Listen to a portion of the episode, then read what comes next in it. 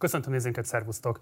Január 22-én volt 5 éve, hogy elhunyt Tordján József, a rendszerváltás utáni magyar politika történet egyik ikonikus figurája. Emblematikussága az épp elég adalék az, hogy még azoknak is van bőven emléke róla, akik adott esetben kisgyerekek voltak, amikor ő a politikai pályafutásának a csúcsát járta. Az első Orbán kormány földművelésügyi minisztere, a kisgazdapárt elnöke, aki nélkül Orbán Viktor 98-ban nem tudott volna kormányra kerülni. Elismerői szerint egy olyan figura, aki jelentősen járult hozzá ahhoz, hogy sokak számára legyen hozzáférhető a politika, aki popularizálta a politikát, a politikához való hozzáférést. Kritizálói szerint viszont egy Trumpiánus figura, aki konkrétan lezüllesztette a politikai közbeszédet, felszólalásaival, illetve egész politikai jelenségével konkrétan debilizálta a magyar közéletet. Ma meghívott vendégeinkkel Tordján József politikai emlékezetét fogjuk majd feldolgozni, nagyon sokféle aspektusból vizsgálva meg azt, hogy mi is az ő jelentősége, mit érdemes megemlékezni rá 2022-ben. Azon érkezik ide a stúdióba hozzám Lakner Zoltán politológus, a jelen főszerkesztője. Mielőtt azonban vele beszélgetnénk Paul Tordján politikatörténeti jelentőségéről, nézzünk meg egy rövid videós összeállítást arról, hogy ki is volt igazából Tordján József. Én nem miniszternek születtem, hanem Tordján Józsefnek. És én magamról elárulhatom, én a Bach sakonját vettem meg legutoljára a CD-n Pikájzentől. Kíváncsi lettem volna, hogy a bunkocskát kitől szerezte meg a miniszterelnök úr. Amennyiben azonban ezek a könyörgéseink a nagy boldogasszonyhoz nem vezetnének eredményre, ebben az esetben akár teljes útlezárással járó demonstrációkat is fogunk szervezni. A bolsevista ima az azt vallotta, hogy mi a múltat végképp eltöröljük.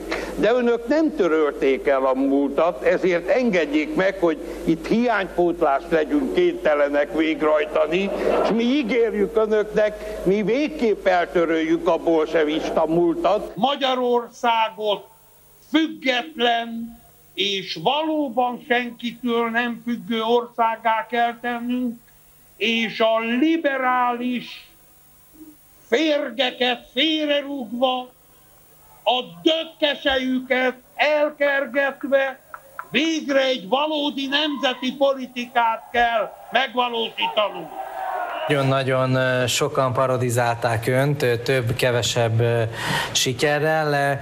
Ezeket hogy fogadta ezeket a paródiákat? Kérem szépen, hát megmondom, ne haragudjon, hogy belevágtam a szavába, de az az igazság, hogy ebben a vonatkozásban ugye meg kell mondjam, hogy van, aki jobban, van, aki kevésbé, van, akit szívesen fogadtam, persze, van, akit ugye, hát nem nagyon-nagyon szeretem. Köszöntöm a kisgazdaságot, gazda árnyékkormány tagjait, akik vállalták, hogy a haza megmentése érdekében itt az árnyékban szolgálják szakértelmükkel kormányzati célkitűzéseinket.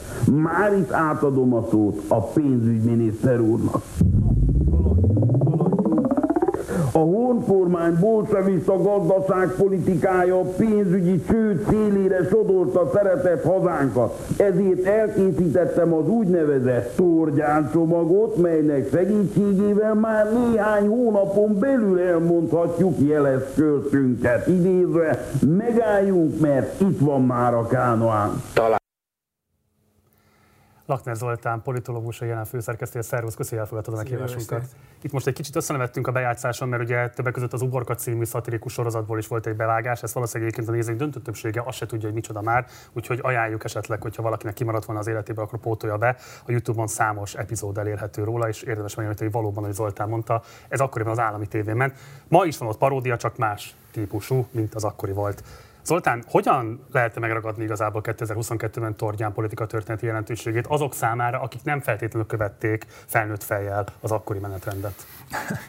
Hát hadd kezdjem egy kicsit messziről, mindenkinek a szíve, szíves figyelmébe ajánlom Révész Sándornak a Dobi Istvánról szóló könyvét. Elsősorban azért, mert nem is, a, nem is az ő kriptokommunista volt miatt, hanem azért, mert ez a könyv nagyon jól bemutatja a 30-as, 40-es évek kisgazdapártját. És ez azért nagyon lényeges, mert amikor a 80-as évek végén a kisgazdapárt újra alakul, mint egyik történelmi párt, akkor ők valóban arra gondolnak, hogy egy régi szavazó tábort ők tulajdonképpen így kiolvasztanak a hibernációból, és az a hagyományos osztálypárt, ami akkor létezett, és a legnépszerűbb párt volt Magyarországon, az tulajdonképpen újra üzem, üzembe lép, ami egy nagyon nevetséges elképzelés valahol, és valahol nagyon naív elképzelés volt, de mégis azok a politikusok, akik ott a 80-as évek végén az emlékeiket felelevenítették, azok tényleg láttak egy nagy tömegpártot, egy igazi nagy parasztpártot, és ez az emlék nagyon élénken élt bennük, és ez a magyar társadalom történetnek egy fontos fejezete volt. És ehhez a történelmi párthoz csatlakozott Tordján József, akinek persze volt valamilyen politikai előélete az 56-os forradalom kapcsán, és az azt követő időkben, de igazából ugye ő nyilván az életkoránál fogva sem vehetett részt még a 40-es években a kisgazdapárban, tehát ilyen értelemben egy újdonász ember volt, de hát már egy akkor sem fiatal ember, és ez a politikus egy teljesen más szint hozott valóban a kisgazdapárba is, és az akkor magyar politikai életbe is, és tulajdonképpen elég hamar rájött arra, a bevezetődben is ezt említetted, hogy mit jelent a kimondott szó, annyiból nyilván nem lehetett Trump János, hogy nem volt még közösségi média, meg Igen. nem voltak még videó megosztók, de azt érzékelte, hogy mit csinál a nyilvánosság a kimondott szóval. De mit csinál? Hát, hogy ö, tudott olyan mondatokat mondani, amelyeket akkor is ö, tovább vitt a napi hírciklus, hogyha azok, akik megszólaltak ezekkel a mondatokkal kapcsolatban, azok nagyon erősen ö, ö, vitatták és ellenezték azt, amit ő mondott. Ugye ő a bolseviknak nevezte a, az MSZP-t, akkor már ö, ö, átalakult MSZP-t, és a nácizmusnál is nagyobb bűnök elkövetésével vádolta őket. Ilyen kemény mondatai voltak, még az is előfordult, hogy a ennek hatására az Országos Választási Bizottságból kizárta őt a parlament, a pár delegáltként visszahívták őt, ami egy egészen szokatlan mozzanat volt. Viszont például lehet olvasni ilyen cikket a 90-es népszabadságban, hogy el is mondja egy kis gazda vezető, még nem voltak ilyen profi kommunikációs csapatok, hogy na de Tordján beszédei nyomán ezresével jelentkeznek a kisgazda pártba, azok, akik addig csak szimpatizáltak vele, és ez azért egy kicsit arra is utal, ami egyébként Tordjáni pályának egy meghatározó eleme, hogy ő ezt nem csak egy ilyen média varázslásként használta, hanem hát ő így épített bázist a kisgazdapárton És ez egy valós bázis volt. Ez, hát ez egy, figyelj, ez egy abszolút valós bázis volt, mert ugye ez a kedves, joviális ember, aki, aki ezeket a tréfásnak tűnő dolgokat mondja, ő egy egyeduralmat épített ki a kisgazdapárton belül, ez egy, ez egy, ez egy monokratikus felépítésű, nagyon erősen autoriter párt volt, ami kifejezetten az ő személyéhez kapcsolódott, hát olyan alapszabályi változásokat vitt végbe a kisgazdapárton belül, hogy elnökként ő választott tisztségviselőket felmenthetett, szóval egészen, egészen elképesztő hatalommal bírt, és ez talán már nem olyan nagyon vicces. Egy picit majd térjünk rá erre is, de előtte beszéljünk egy kicsit erről a retorikai sajátosságról, amit Tornyán bevezetett. Ugye Hammer Ferenc egy 90-es években írott eszélyben így fogalmaz róla, lepattannak róla az érvek, meghajlik a logika és megáll az idő. Uh-huh. Tornyánt nem lehet önellentmondáson érni, mert számára nincs múlt vagy jövő, hanem csak egy végtelen kiterjedésű jelen, amelyben mindegy, hogy máskor, másút mit mond, ha egyszer most ezt mondja. Nyilván a 2022-es politikaiat követő közönség Igen. számára ez nem tűnik extraordinálisnak, de mégis miért volt ez kivételes, és miért volt működőképes a 90-es években, ahogy te mondod akkor, amikor nem volt még social media, tehát igenis szűrték a politikusok mondandóját a különböző újságok, tehát lehetne azt feltételezni, hogy például aki valószínűleg fokozatosan vagy folyamatosan tágítja a valóság mezejét, és folyamatosan tetten érhetően hazudik, az előbb-utóbb azt gondolja az ember, hogy hát így az újságírók által diszkreditálva lesz, és mégsem. Hát egyrészt nem ez történt. Tehát, hogy Tortyán iránt soha nem szorította ki a média, vagy soha nem ignorálta a média, pedig ő valóban teremtett alternatív tényeket, ő rendszeresen hivatkozott például arra, hogy, de komolyan, tehát rendszeresen hivatkozott arra, hogy nem tudom, 80 ezer, 120 ezer tagja van a kisgazdapártnak. Én foglalkoztam az életem egy részében pártkutatással, én felelősséggel kimerem jelenteni, hogy biztos, hogy nem volt 100 ezer aktív tagja a kisgazdapártnak, sok tagja lehetett. Mennyi lehetett szerinted? Hát figyelj, az MSZP-nek volt akkor 40 ezer tagja, biztos, hogy nekik sem volt 40 ezer aktív tagjuk. Szóval a magyarországi pártoknak a szervezettsége az soha nem állt magas szinten, vagy egy ilyen alternatív tény az volt még például, hogy 94-ben a választási eredményt követően Tordján József talán még a választás éjszakáján kijelentette, hogy ővé a legerősebb ellenzéki párt, ami hát nem, effektíven nem volt igaz, mert az MDF volt a legerősebb ellenzéki párt. Igaz, ez az alternatív tény tulajdonképpen aztán valóságá vált egy, egy, egy idő után, tehát ennyiből ugye volt, volt egy ilyen tényteremtő képessége is, és valóban a populista politikának ez egy fontos összetevője, hogy hát az érvek lepattannak róla, hiszen nem ezekkel dolgozik. És ez valóban kontrasztot jelentett egy olyan politikai világban, ahol, ha mondjuk a nézők megkeresik a YouTube-on, szerintem most is fönt van, Antal József és Kis János vitája 1990 Igen. áprilisában a két választási forduló között. Szerintem mai szemmel, füllel felüdítő az az intellektuális magaslat, amiben ők vannak, és elsősorban az, hogy érvelnek. Tordján József, aki nyilván tárgyalótermekben tanulta az érvelést, tehát szerintem képes volt rá, nem bíbelődött ilyesmivel akkor, amikor ő a populista politikai ényét vette elő, és én azt gondolom, hogy ő ezt autodidakta módon tanulta, tehát én nem hiszem, hogy ő a populista politikának bármiféle irodalmát fogyasztotta volna, vagy én nem ismerem olyan interjúit, ahol arról vallott volna, hogy neki milyen politikai olvasmányai lettek volna. Én azt hiszem, hogy ő ezt, a, ő ezt kitapasztalta, hogy mi az, ami működik, és mi az, ami nem működik, és nyilván volt egy nagyon széles közönség, nem annyira széles, mint szerette volna, hiszen ő többször azt gondolta, hogy a legnagyobb párt az övé, de a legjobb választási eredménye az 14 százalék volt, de hát szerintem sok olyan párt van ma, amelyik nagyon örülne 14 százalékos eredménynek, és az a helyzet, hogy ő ezt lábon járta le, ezt a, ezt a 14 százalékot, és, és szavakkal nyerte meg őket. Az más kérdés természetesen, hogy olyan szavakkal, és ez megint csak a populista politikának egy fontos összetevője, amelyek mögött nem volt ténybeli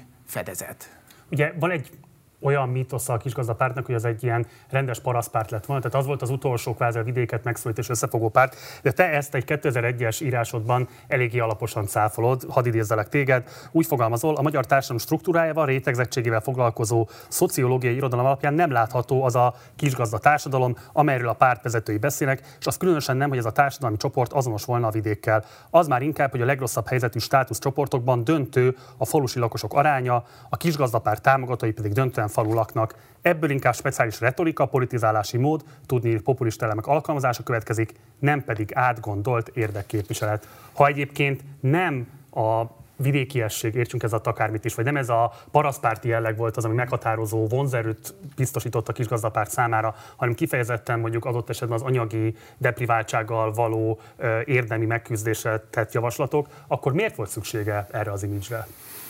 Ez is meg vagyok hatva a 2001-es zsengémnek a, az idézésétől.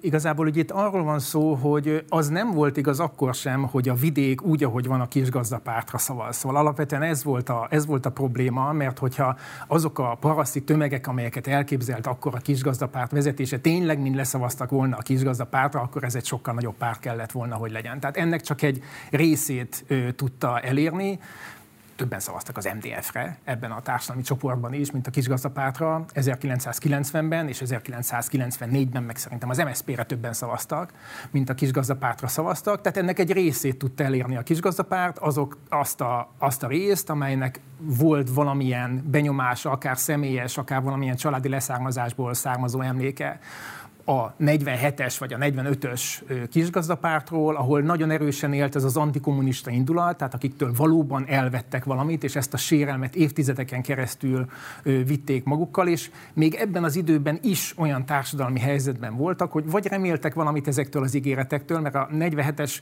föld állapotok visszaállítása nyilván nem volt mindenki számára vonzó, vagy annyira elkeseredettek voltak, hogy azt érezték, hogy az ő egyedüli képviselőjük a parlamentben, mondjuk Tordján József, Józsi bácsi bácsi, aki jól megmondja a, az éppen aktuális kormánynak, hogy mi a helyzet. Tehát ez, ezek a dolgok, ezeknek a dolgoknak az együttállása tett szerintem akkor valakit kisgazda szavazóvá.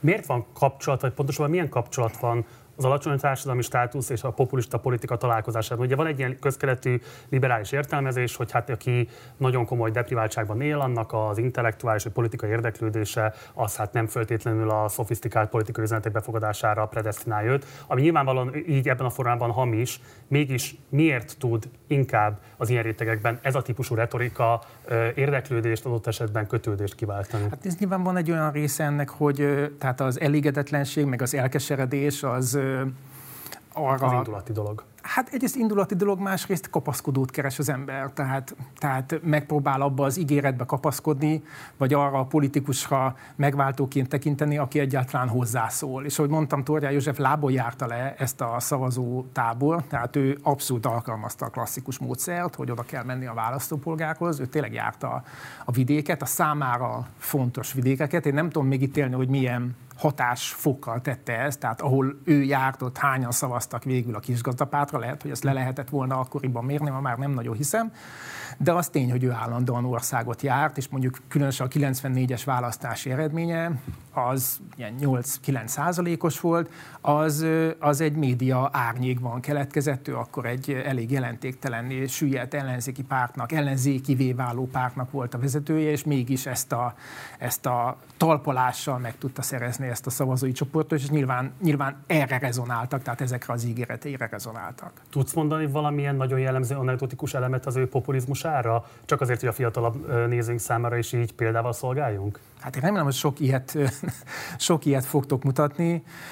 Üm, így konkrétan példával nem ö, készültem, de valójában szerintem az az igazán érdekes benne, Szóval, hogy mondjam, azt, azt kellene valahogy érteni, hogy, hogy ő, tényleg, ő tényleg folyt a tévéből. Ezt a, ezt a rövid 93-94-es időszakot, amikor szélárnyékban volt, tényleg csurgott ki a tévéből, és tehát állandóan tele volt vele a média, a szóhasználata, az, ahogyan, ahogyan érvelt, a hangkordozás, ezek, ezek teljesen jellegzetes módon a hétköznapi élet részét képezték, és itt ez a fantasztikus Uborka című műsor, ami valóban tehát politikusokat parodizált az állami televízióban, ez azért is lehetett népszerű, mert ő volt az egyik legkeresettebb, vagy a legfölismerhetőbb figurája a politika életnek, lényegében minden szava anekdotikus volt. Itt igazából szerintem az ő szempontjából politikusként valójában az volt a, az volt a nehézség, és szerintem az volt az ő egyik politikai kudarca, az egyik nagy politikai kudarca, hogy ezt nem tudta átváltani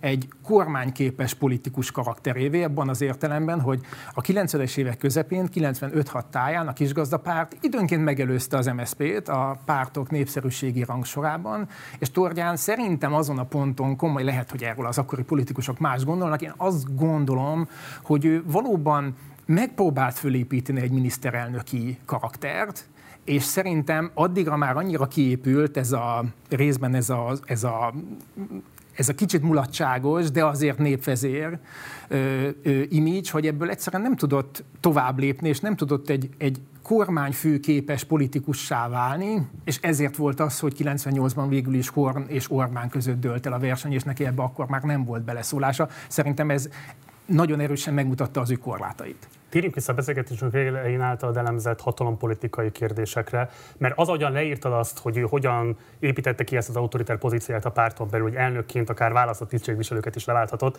azért ez nagyon erőteljesen rezonál Orbán Viktor karakterére. Kijelentető az, hogy Orbán Viktor, Tornya József legtehetségesebb tanítványa?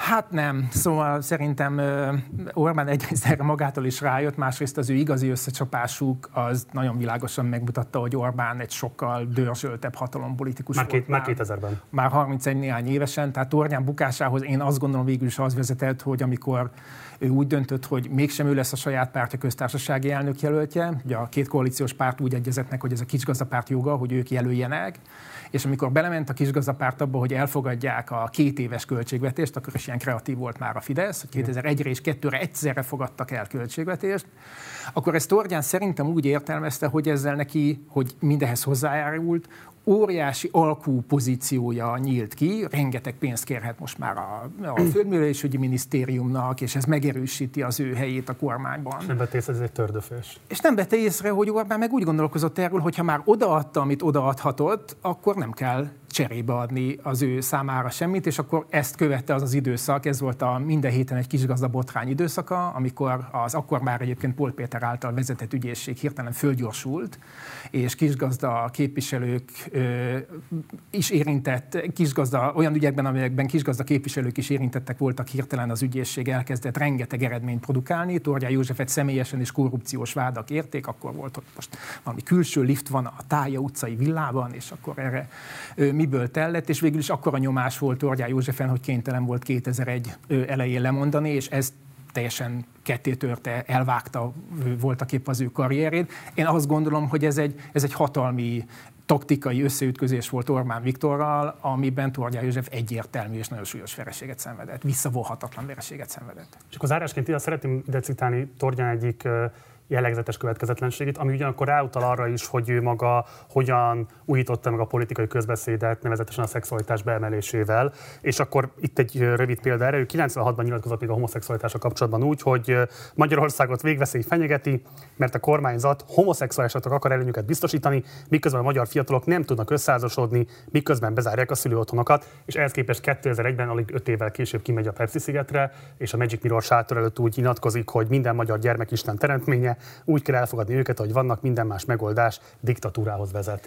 Ez részben ugye egy következetlenséget példázó has, tehát egy példázat, de másrészt meg ugye ott van az a helyzet, hogy ő maga rendszeresen emelte be a különböző sikamlós vicceket, különböző testáikokat a politikai beszédeibe, folyamatosan utalt a szexualitásra. Tehát ő volt az első olyan nyilvánosság előtt szereplő top politikus, aki ezekkel az eszközökkel élt, ami 2022-ben szintén már teljesen bevett, de Magyarországon ő volt, aki elő ezzel először élt. Mit gondolsz erről? Hát ilyen irányból ezt sosem gondoltam végig, ez nagyon érdekes fölvetés. Egyrészt ugye ez hozzátartozik az, hogy éppen hol mit mondott, hogy neki ugye ahhoz komoly érzéke volt, hogy az éppen aktuális közönség hangulatát kitapintsa, és látod, ebben viszont ő nem lehet azt mondani, hogy megelőzte a korát, mert nem valószínű, hogy mindig tisztában volt azzal, hogy amit ott mond, azt ugye máshol is hallják. Tehát, hogy az egy másfajta közegben is érvényesül, biztos népszerű volt ezzel a Magic Mirror sátorban, de akik nézték őt esetleg a híradóban a saját szavazói, azok lehet, hogy ezen egy kicsit elcsodálkoztak.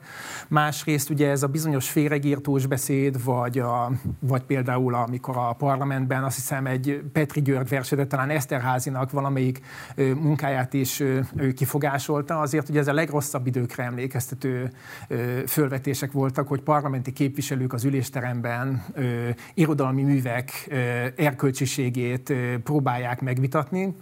És lehet, hogy ezt nála nem kellett olyan értelemben komolyan venni, hiszen két perccel később valami mást mondott máshol, tehát lehet, hogy ez nem olyan volt, mint Csurka Istváné, aki szerintem ilyen értelemben sokkal károsabb örökséget hagyott ránk, hiszen ma már büszkén a fideszes politikusok arról beszélnek, hogy ők Csurka István gondolatait valósítják meg, de mégiscsak azt hiszem, hogy Tornyának van felelőssége abban, hogy akár a felelőtlen oka, módon is mondott mondataival, azért mégiscsak tágította azt a teret, hogy mit szabad és hogyan szabad egyáltalán beszélni, hogy mennyire szabad bele, ö, ö, belemenni ö, mások emberi méltóságának a megsértésébe. Ebben azt gondolom, hogy van, van számon kérhető felelőssége, pontosan azért, mert hogy ő mert hogy őről azt gondoljuk, hogy ezt a szerepet ő, ha autodidakta módon tanulta is, de tudatosan húzta magára, tehát akár még határokat is kijelölhetett volna a saját maga számára, hogy meddig megy el, de ezeket a határokat szerintem ő nem ismerte. Laknár Zoltán, nagyon szépen köszönöm, hogy elfogadtad a meghívásunkat, és hogy eljöttél ide. Köszönöm. Gyere máskor is. Köszönöm szépen. Az adásunk azonnal folytatódik, Ungvári Krisztiánt fogjuk majd kapcsolni, akivel azt beszéljük majd át, hogy hogyan került Tordján is ügynökvádak alá. Előtte nézzük meg egy rövid összeállítást arról, hogy pontosan hogy néztek ki ezek az ügynökvádak, utána pedig Skype-on kapcsoljuk Ungvári Krisztiánt. Feljelentést teszek dr. Tordján József ellen, Budapest Endrédűs 62 szám, az 1956-os forradalomban részt vett személyek elleni kegyetlen megtorlásban való részvétel miatt. Dr. Torgyán József köztudottan a Tucsek tanács fogalmazójaként részt vett emberek jogtalan elítéltetésében, mely tanács sok esetben hozott halálos ítéletet. A Belgrád rakparti kisgazda székházban a pártelnököt kérdeztük erről. Hát Se Sándor egy őrült kérem, aki nem tudja, hogy mi a fogalmazó jogköre. Hát természetesen miután ügyvéd lettem, a joggyakornoki létrán végig kellett mennem. Amikor bennem kezdett kialakulni egy olyan meggyőződés, néhány ilyen ügyben voltam részben én is jegyzőkönyvezető, akkor én bementem a fővárosi bíróság elnökéhez, és akkor közöltem, hogy én megtagadom azt, hogy én fogalmazói munkát végezzek. A kakuktojás ügyben Tordján József kimondta, valóban az ő lapján állt az, hogy szerepelt a 3 per 3-as ügynök de, tette hozzá, ez még nem azt jelenti, hogy ügynök is volt. Ám kész arra, hogy akár az ország nyilvánossága, akár a parlament vizsgáló bizottsága elé álljon. Ezzel kapcsolatban az 56-os szövetség több tagja is kijelentette. 56 után Torján több bebörtönzött forradalmár hozzátartozójának is adott jó tanácsokat. Ezért és 56-os szereplése miatt ők elképzelhetetlennek tartják, hogy besúgó volt. A dokumentumgyűjteményben olvashatók azok a levelek is, amelyeket dr. Tordján József írt a miniszterelnöknek, a belügyminiszternek és a Nemzetbiztonsági Hivatal vezetőjének. A válaszok is helyet kaptak a kiadványban. A híradó a sajtótájékoztatón megkérdezte, hogy a pártelnök miért nem hajlandó átvenni az átvilágítás eredményét tartalmazó levelet dr. Antal Józseftől, és miért nem tett eleget a független kisgazdapárti frakció kérésének, hogy nyolc napon belül tisztázza magát. Válaszom, hogy ön megfeledkezik arról, hogy én az ország legnagyobb pártjának az elnöke vagyok, kérem. Mögöttem lényegesen több ember áll, mint az ország összes többi pártelnöke mögött együttvéve. Ha engem valaki az ország nyilvánossága előtt bármiről meg akar kérdezni, rendelkezésére állok, azonos körülmények között. Most is felajánlom a miniszterelnök úrnak az ön útján, ahogy megtettem eddig 25 milliószor, álljon ki velem a televízió nyilvánossága elé, és világítsuk át egymást kölcsönösen. Hozza el ő is a büntető ügyének az iratait, én is elhozom a büntető ügyem iratait. De nem engedem, hogy Magyarországon olyan helyzet alakuljon ki, amikor egy ember fogja megmondani, ki a tisztességes és ki a sötét. És itt van már velem a vonalban elvégben Ungvári Krisztián történész. Szervusz, köszöntelek az adásban. Szervusz. Köszönöm, hogy elfogadtad a meghívásunkat. Mielőtt rátérnénk Tordján ö, állítólagos ügynök múltjára, előtte beszéljünk egy kicsit a, a kisgazdapártnak a történeti szerepéről. Ugye 1930-ban alakult a párt, a Horti korszak alatt végellenzékben voltak, és képviselőknek a számaránya nem ért el a 10%-ot sem. Azonban 45-ben és 47-ben is választásokat nyernek, azonban végül aztán leszalámizzák a pártot, és illegalitásba kényszerülnek. Hogyan nézett ki? Mi a leg, mik a legfontosabb állomása innentől kezdve a kisgazdapártnak, egészen addig, amíg aztán rendszerváltáskor bekerülnek az első független országgyűlésbe? Hát az egyik nagyon fontos körülmény az, hogy az állambiztonság a korábbi kisgazda vezetőkből szinte mindenkit bebörtönöz, vagy beszervez, vagy mind a kettő kombinációját megvalósítja. A másik pedig, hogy a kisgazda párt azért nem volt teljesen illegalitásban. Tehát nagyon furcsa helyzet volt, mert hogy 1950-ben még kerültek be kisgazda mandátummal képviselők a parlamentbe, és a kisgazda pártnak hivatalosan létezett egy irodája egészen 1956-ig, ahol egyébként ezek az emberek össze is jöttek. Az ezek az emberek alatt azt értem, akik korábban a kisgazdapárt vezetői voltak, évente egyszer ott találkoztak, úgymond, és egy nagyon furcsa helyzet volt, hogy olyanok találkoztak, akik közül volt, aki a Rákosi rendszer kollaboráns politikusaként jól élt, és volt, aki meg két héttel korábban jött ki adott esetben a börtönből.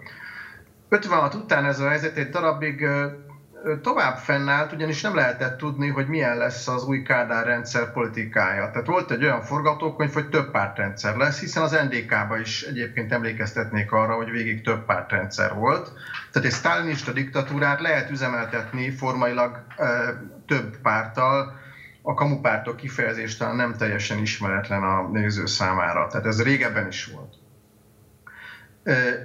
És ebben áll a kisgazdáknak a specifikuma, mert hogy Kádár rendszert úgy élték le, hogy volt vezetőik egyrészt tönkre lettek téve, belettek szervezve, belettek börtönözve, de másrészt meg azt gondolhatták, hogy a különböző társutas értelmiségi kapcsolataikon keresztül, itt említhetném Bognár Józsefet, de mondhatom akár Posgai Imrét is, az ő kezük mégiscsak valahogy bele tud érni a hatalomba is.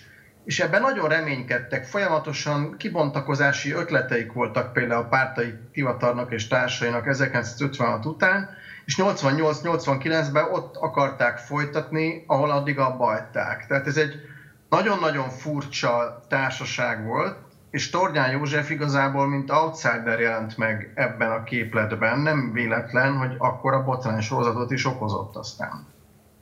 Beszéljünk akkor erről a 91-es úgynevezett boríték botrányról. Ugye ez volt az a eset, amikor Antal József akkori miniszterelnök megkereste több kisgazda politikust is, és borítékokat adott át nekik, amelyben a beszervezési irataikat helyezte el. Kérlek, hogy részletesen meséld a nézőinknek, mert nagyon sokat valószínűleg nem tehát nem élhettek akkor még, amikor esetleg ez a botrány kirobbant, hogy pontosan hogy nézett ki ez a botrány, mi volt ennek a jelentősége, és mi volt igaz abból, hogy Tornyán Józsefnek volt szerepe az 56 utáni megtorlásokban? Ez a borítékügy nagyon érdekes, mert mutatja azt, amikor valaki az állambiztonsági iratokat önkiszolgáló boltnak használja, ahelyett, hogy mindenkinek azonos feltételek mellett biztosítana ez hozzáférést, ugyanis a következő történt. A rendszerváltás után hosszú éveken keresztül senki sem volt abban a helyzetben, hogy megtudja, hogy ki volt ügynök és ki nem, csak a mindenkori hatalom. Antal József pedig úgy gondolta, hogy az egy megoldás, hogyha egy borítékba ő ezzel kapcsolatos információt berak, és ezt kiosztja azok számára, akik neki politikailag valahogy relevánsak, illetve konkurensei. Egy kérdés itt engedj meg gyorsan, bocsáss meg, mert hogy ez Anta részéről egy tudatos taktikai húzás volt annak érdekében, hogy zsarolja ezeket a képviselőket, vagy a naivitásnak egyfajta bizonyítéka, hogy ő tényleg azt gondolt, hogy ezzel segít nekik? Hogyha ez naivitás lett volna, akkor akkor nem lehetett volna ezt így szervezni. Tehát ez teljesen tudatos, tudatos döntés volt részéről, ugyanis ha segíteni akart volna, akkor a nyilvánosság pártjára kellett volna állnia. Akkor, és pont a Tordján ügy a legjobb példa erre, mert hogy a borítékban nem az került bele, amit ma mindenki elolvashat egyébként az állambiztonsági levéltárban, amiben igazából Tornyán József megdicsőül. Tehát nagyon furcsa, hogy az az ember, akivel én se politikailag, se emberileg nem találnék sok kapcsolódási pontot, speciál ebben az ügyben azt gondolom, hogy elképesztően bátran és tisztességesen járt el, és erről szívesen mondok részleteket. Mindenképpen ezt kérem, fejts ki. Igen, tehát ugye és a következő történik. Tordján József pályája elején áll, őt egy teljesen zsarolható helyzetben házasság előtt behivatja az állambiztonság, és megpróbálják beszervezni, hogy az ügyvédi kollégáiról jelentsen. Tordján József el először igent mond, majd a beszélgetés végén saját maga széttépi azt a papírt, amit korábban aláírt, tehát ezt 57-ben vagyunk, széttépi, majd aztán kifej, kifejti az állambiztonsági tisztnek, hogy ő egyébként se ért ezzel az egésszel egyet, mert hogy sokkal jobb lenne a több pártrendszer, és hogy vegyék tudomásul, hogy ő soha nem fogja keresni az állambiztonságot semmilyen ügyben, nagyon szívesen beszélget bármiről, de hogy ö, azt gondolja, hogy ez ebbe az ügybe rá ne számítsanak, mert ő soha nem hajlandó dolgozni az állambiztonságnak, és, és mondom, 57-ben azért akasztottak. Tehát annak tükrébe értékeljük azt, hogy valaki a nyílt színen összetépi először a beszervezési nyilatkozatát, másrészt meg a több pártrendszer előnyeit kezdi el lecsetelni egy volt AVH-snak, és uh, tulajdonképpen lyukat beszélt a beszervezői hasába, akik ez, ezek után el is kellett, hogy engedjék.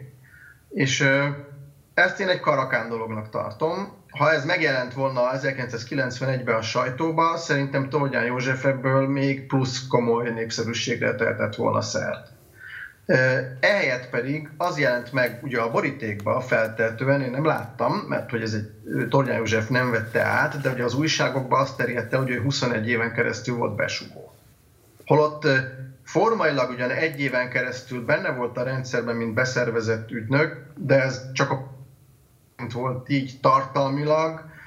A tornyán még arra is ügyelt, ami aztán tényleg a fifikás ügyvédi hozzáállását mutatja, hogy saját maga írta meg a kizáró nyilatkozatát, és abba belefoglalta, hogy egyébként ő eddig semmiféle információt nem adott. És ezt írta alá, és adta oda a tartótisztnek. Uh-huh. Ennél többet azt gondolom nem lehetett volna tőle akkor elvárni, és 1991-ben pedig ő ugye egy nagyon méltatlan helyzetben volt, mert hogy azt nem tudhatta, hogy az állambiztonság milyen dokumentumokat őriz róla. Arról neki fogalma se lehetett. Azt se tudhatta, hogy esetleg hamisítottak valamit róla, hogy mások mit jelentettek róla, semmiről semmit nem tudhatott, csak az emlékeire támaszkodhatott. Ezzel szemben Antal József konkrétan azt kutatott ki magának, illetve pártjának a levéltárba, amit akart. Sőt, még a tartótisztek is rendelkezésére álltak. Tehát egy végtelenül aszimmetrikus helyzetben volt a két fél, és ennek tükrébe azt a megoldást, hogy mindenki kap egy lezárt borítékot, és akkor ha visszalép, akkor nem hozzuk nyilvánosságra. Ez egy nagyon csúnya zsarolás ízű történet, és különösen azért csúnya dolog ez, mert hogy egyébként nem lehet egyszerre a kommunisták felelősségre vonását követelni, és a kommunistákkal kapcsolatos iratokat eltitkolni. Ugye említetted azt, hogy Antal József hibát követett el akkor, amikor ehhez az eszközhöz nyúlt, és nem pedig a nyilvánosságra hozta a teljes irató ennyiséget, ami a rendelkezésre állt volna akkoriban. De maga a Tordján József követett el hibát azzal, hogy nem vette át a borítékot, hogy pontosabban milyen más módokon tudta volna adott esetben használni ezt a helyzetet az akta nyilvánosság eléréséért? Hát ez egy jó kérdés. Azt gondolom, hogy a borítékot nem lett volna szabad semmiképp se átvennie, mert hogy azzal elfogadja ezt az aszimmetrikus helyzetet, amit a maga bombasztikus módján úgy fejezett ki, hogy ő a legnagyobb pártelnöke, és ezért ö, ö, egyenlő szinten kell tárgyalni. Én nem így fogalmaztam volna ezt meg, de tehát ez a része a dolognak helyes. Ami problémás, hogy a Tordján szerintem maga se értette igazán ennek az iratnyilvánosságnak a lényegét, vagy ha értette, akkor túl cinikus volt hozzá, ezt nem tudom, tőle megkérdezni már nem tudjuk, de tény is való, hogy Tordján József se állt be azoknak a táborába, akik az állambiztonsági iratok nyilvánosságát követelték. Ilyen típusú... De miért nem szerinted? Bocsáss meg, ez nagyon fontos kérdés, mert ugye közben a föld e, újraosztás érdekében meg hát nagyon komoly tengelyt akasztott az MDF-fel. Azt gondol az ember, hogy egy olyan harcosan antikommunista, legalábbis retorikájában antikommunista politikus, mint Tordján, annak, hát hogy mondjam, a palettán része kellene, hogy legyen például az ügynök múlt tisztázása. Igen, de az is lehet, hogy ő is felismerte egyrészt a zsarolási potenciált, ami ebben az anyagban van. Tehát, hogy inkább beleült volna Antal József székébe, hogy ugyanott, ugyanazt csinálja tovább. De hogyha nem is ez volt a szempontja, tehát tegyük fel, hogy még nyilvánosságra is hozta volna, a főpolitikai szövetségese az a katolikus egyház.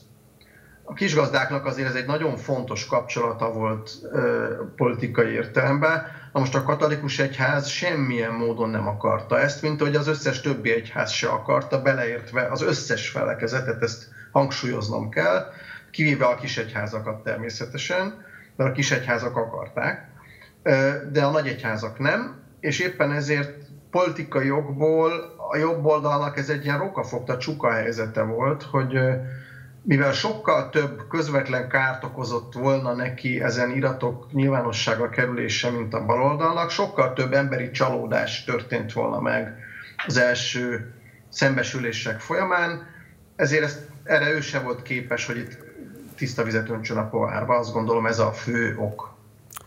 Krisztián, nagyon szépen köszönöm, hogy itt voltál velünk, és köszönöm, hogy ezt megosztottad a nézőinkkel. Minden jót neked, gyere majd máskor is a műsorunkba. Én köszönöm a meghívást. Szervusztok, viszontlátásra. Szervusz. Azonnal folytatjuk a műsort, és érkezik majd hozzánk Raskó György, az Antal Boros kormány egykori földvőlős ügyi államtitkára, akivel főként a földkérdésre fogunk majd beszélni, pontosabban arról, hogy miért akasztott tengelyt Tordján ebben a kérdésben az Antal kabinettel. Előtte azonban nézzük meg egy rövid videós összefoglalót a kialakult konfliktusról. A független kisgazdapárt kampányzáró nemzetközi sajtótájékoztatóján szándékuk szerint programjukról, céljaikról szerettek volna beszámolni. Vörös Vince elmondta, hogy a 47-es tulajdoni állapotok visszaállítása nem megy egyik napról a másikra. A megvalósítás alapja egy új földtörvény lesz, amelyet az új parlamentnek kell meghoznia. Hozzátette, az átmenet elősegítésére már szinte kész programjuk van. Az egyik kérdés, amelyre az Alkotmánybíróság ma választ adott, nem jelenti az emberek hátrányos megkülönböztetését az, ha egyes személyek volt tulajdonát reprivatizálják, másokét pedig nem. A másik kérdés, lehet-e egy törvény alapján kisajátítás és kártalanítás nélkül elvonni a szövetkezetek tulajdonát, így a termőföldet is. A testület határozata szerint mindkét megoldás alkotmány ellenes. Ugyanis nem lehet különbséget tenni úgy állampolgárok között, hogy akinek például földje volt, az visszakaphassa, akinek háza, az pedig nem.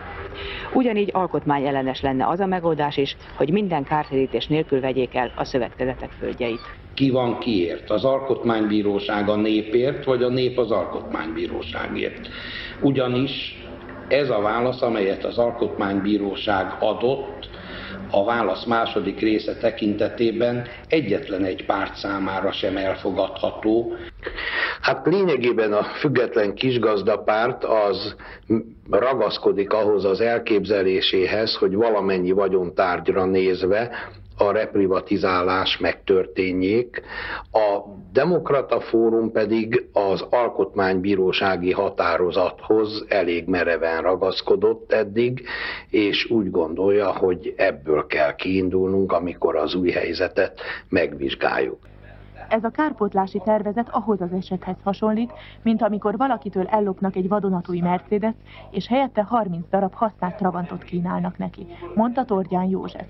Olás Sándor főtitkár szerint a vidék és a mezőgazdaság sorsáról azoknak kell dönteniük, akik ehhez értenek, az aszfalthoz ragadt pártoknak most el kell csendesedniük. A kárpótlási törvény parlamenti vitájából kiderült, hogy hiányzik-e törvénytervezet mögül az igazi politikai közmegegyezés, de ami még nagyobb baj, tragikusan hiányzik ennek a törvénytervezetnek a szakmai megalapozottsága. Felelős pozícióban lévő emberek a független kisgazapárt véleménye szerint több ezer milliárd forintnyi tévedéseket tartalmazó adatokkal operálnak. Azt mondta, hogy a privatizáció az egyes lobbiknak a vadászterülete lesz. Azt hiszem, ez is egy fontos kérdés. Végig kell gondolni azt, hogy kik és hogyan, milyen módszerek révén juthatnak hozzá a privatizálandó állami vagyonhoz. Folytatjuk az adásunkat, itt van velem a stúdióban Raskó György, az Antal Boros kormányok egykori um, bocsánat, fölmérésügyi államtitkára. Szervusz, köszönöm, hogy elfogadtad a meghívásunkat.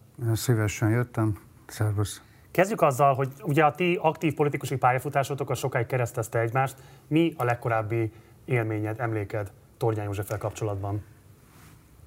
Hát az 1990 november 18 vagy 19-e volt, akkor találkoztam vele életemben először, élőben.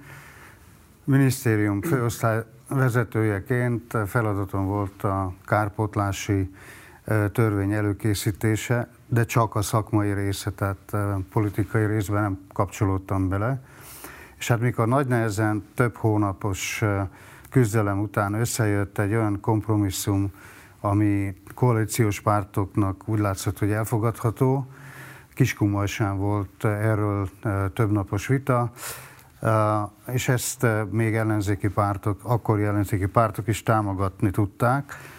Ez a megállapodás tervezett aztán a koalíciós pártok között Antal József miniszterelnök vezetésével egy több órás esti megbeszélés során véglegessé vált, és a frakcióvezetők és a párt elnökök egyaránt aláírták ezt a dokumentumot, és Forrai István a kabinet miniszterelnök úrnak a titkára szólt nekem, hogy akkor a szakmai részét nekem kell ismertetnem másnap az Alkotmányügyi Bizottság előtt.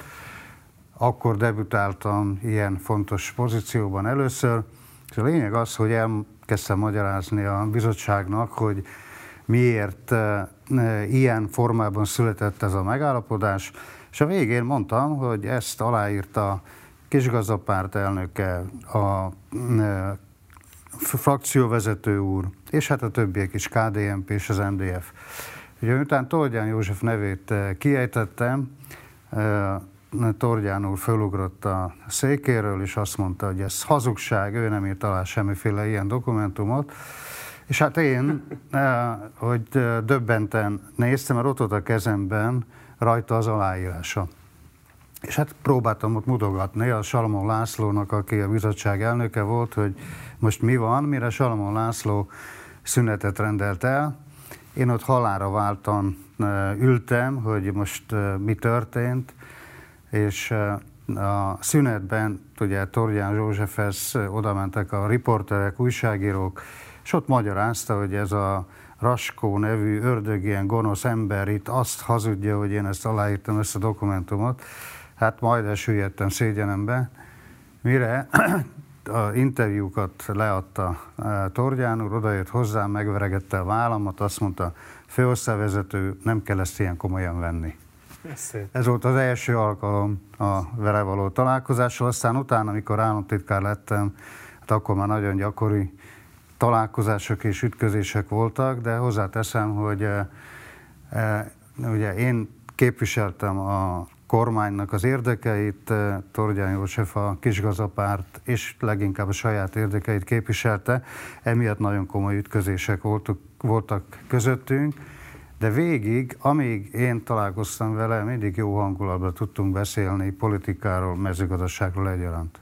Beszéljünk akkor a kárpotlási törvény körüli vitáról. Ugye Tornyániknak az volt a koncepció, hogy teljes reprivatizációt szerettek volna, tehát konkrétan az 1947-es földtulajdoni állapotokat állítani vissza, ami már csak azért sem volt életszerű követelés, mert tehát több mint 600 ezer hektárnyi föld került különböző felhasználásra, valamint komplet városok épültek föl például, mm. tehát hogy nem lehetett volna ezeket visszaadni az eredeti tulajdonosoknak.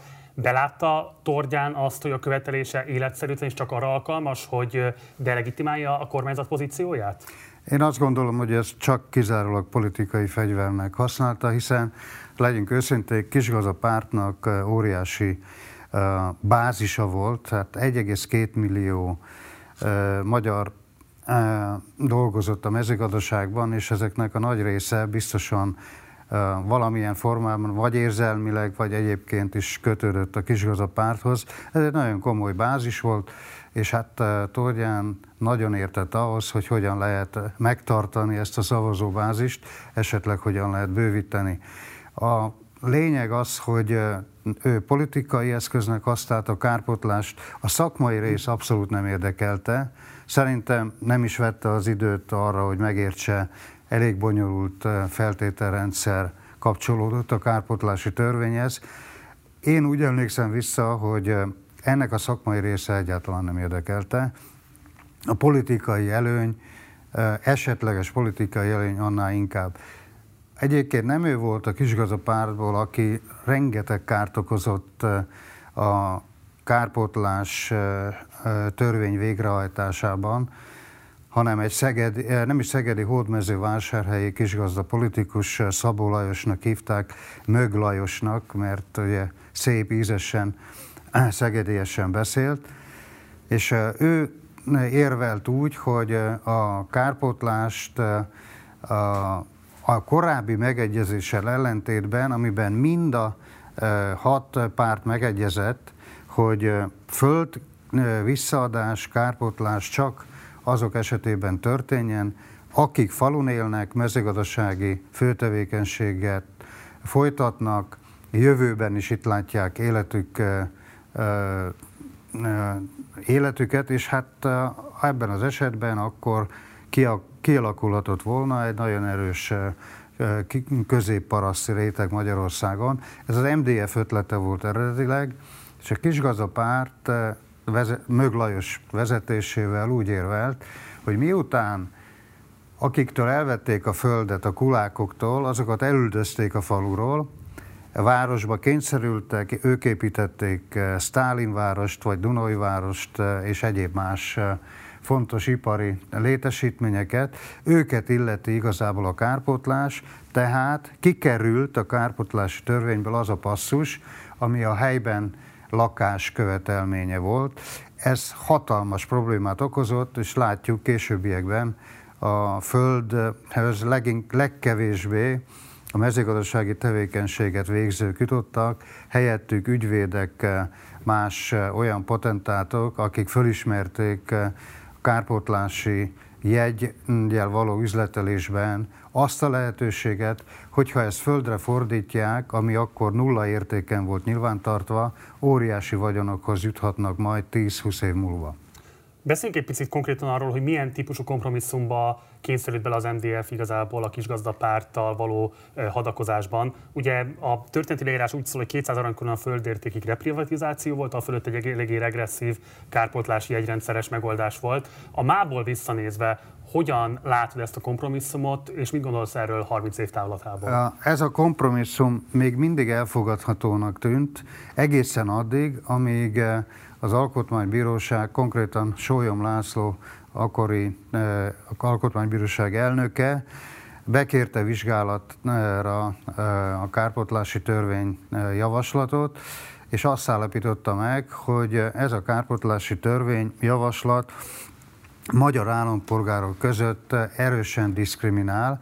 Ugye azt a játszóban is hallhattuk, igen. Igen, tehát azokat hozza extra pozitív helyzetbe, akiknek földkárpótlás jár, és ugyanakkor akiktől boltot vettek el, vagy egy más ingatlant, pláne komoly gyárat, azoknak a kárpotlás az erősen jelképes, és ugyanúgy állampolgárok, magyar állampolgárok ők, vagy azok leszármazottjai, és azt mondta, hogy ilyen megkülönböztetést nem lehet tenni. Elfogadta Sólyom László azt, hogy legyen pozitív diszkrimináció a föld különleges volt miatt, de annak ne legyen egyfajta arányos ö, ö, hát, pozitív megkülönböztetése, és ne pedig ilyen irracionális, hogy a föld esetében 200 ezer forint értékig kvázi reprivatizáció, és fölötte is még egy nagyon komoly kárpotlási, eh, kárpotlás járt eh, az arra jogosultaknak. Most ezt eh, az Alkotmánybíróság elutasította, és a kisgazdákkal sajnos hónapokon át tartó vita során sem sikerült megértetni azt, hogyha nem fogadják el a, az Alkotmánybíróság javaslatát, akkor nagy valószínűséggel úgy fog dönteni az Alkotmánybíróság, hogy kárpótlási jegyet bárki bármire felhasználhat. Tehát nem lesz a földhöz kötve. Tehát akinek ipari ingatlanát, gyárát vették el, azzal a kárpótlási jegyel eldönteti azt, hogy azt részvényekre fordítja, vagy éppen egy mezőgazdasági földárverésen fog majd részt venni, és akinek egy kicsit is volt esze, az tudta azt, hogy ez 1000 forint per aranykorona érték, ami nagyjából 17 ezer forint hektáronkénti értéket jelentett. Ez annyira irreálisan alacsony, hogy ennek a felértékelődése pillanatok alatt meg fog történni, miközben, miközben kétséges, hogy csepelművek, vagy éppen más nagy állami vállalat privatizáció során történik-e komoly felértékelődés. Tehát ezért a jól értesültek, akik az üzleti világ logikáját értették, azok amennyibe tehették, földvásárlásra fordították kárpotlási jegyüket. Ez okozta azt, hogy vannak olyan falvak Magyarországon, ahol a helyi lakosság, az ott élő mezőgazdaságból élők ma kénytelenek városi és más, akár külföldön élő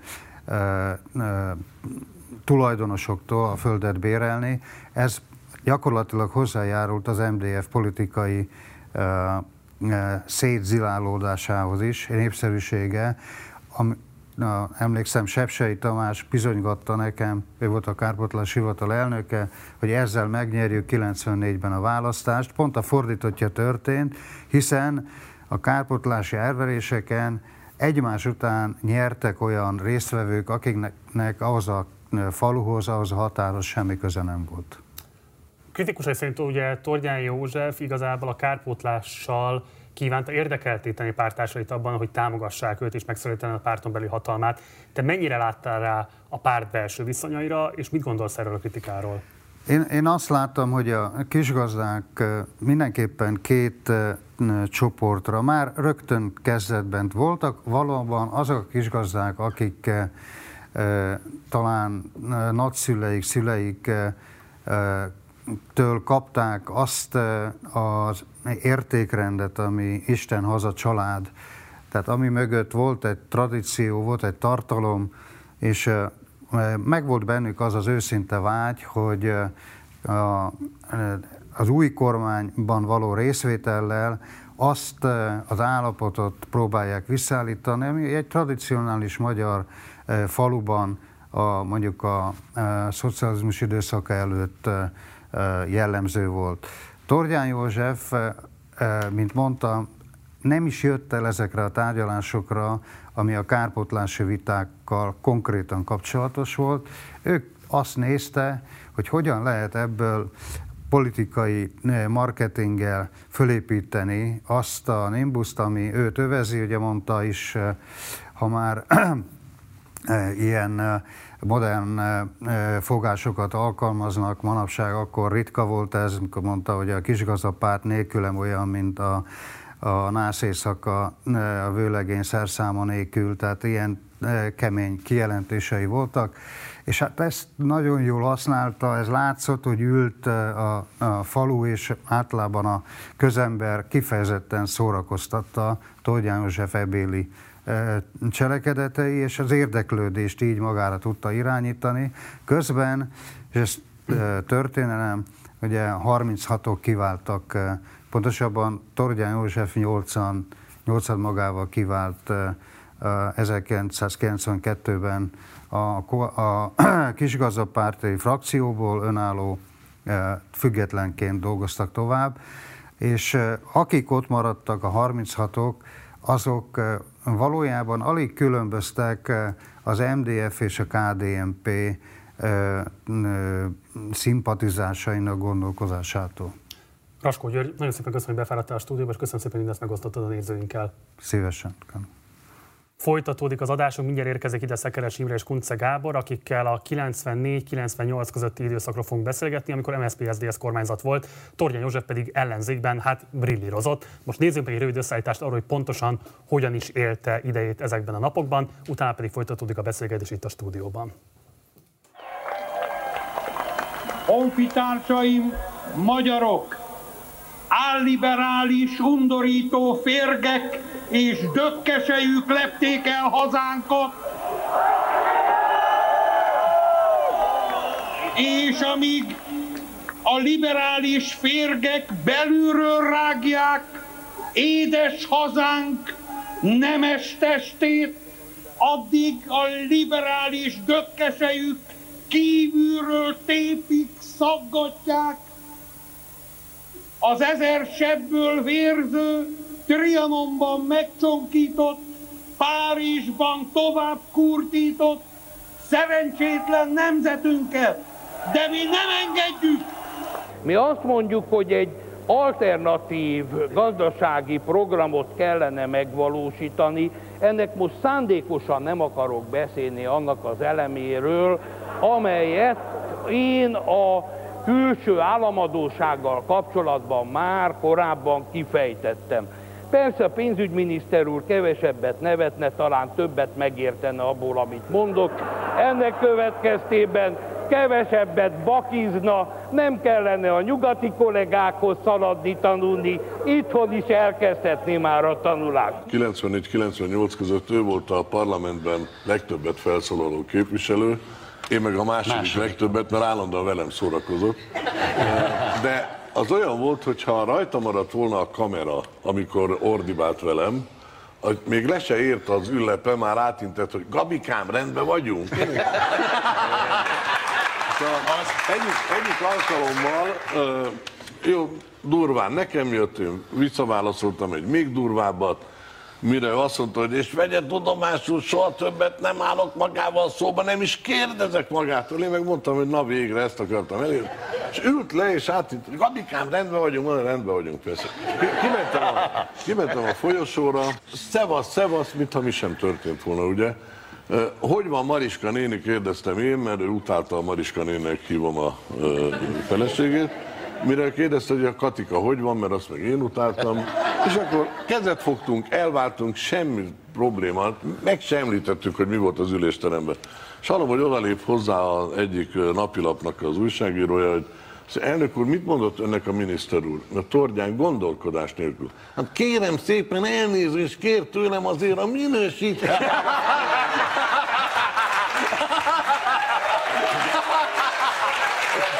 Zseniális, zseniális. Másnap a lapot. Zseniális. És folytatjuk a stúdióban a beszélgetést. Itt van velem Kunce Gábor, a Horn kormány egykori belügyminiszter, a Szervusz, és Szekeres Imre, az MSZP egykori frakcióvezetője, Szervusz. Köszönöm, hogy elfogadtatok a meghívást. Egy anekdotával zárult az előző bejátszás, úgyhogy ezzel kell kérdez, ezt kell kérdeznem elsőként. Mi a legelső emléketek Tordján Józsefről? És akkor így Imre kezdjük vele. Rendben. Az első? Akkor parlamenti képviselőttem 94-ben jött velem a szembe a folyosón, tudtam, hogy kiről van szó, rám nézett. Te ki vagy? bemutatkoztam, ahogy már ilyenkor illik, végigmér, magasabb vagy, mint a Gyula. Tehát ez volt, ez volt az antrénk. Igen, igen, ez volt az antrénk.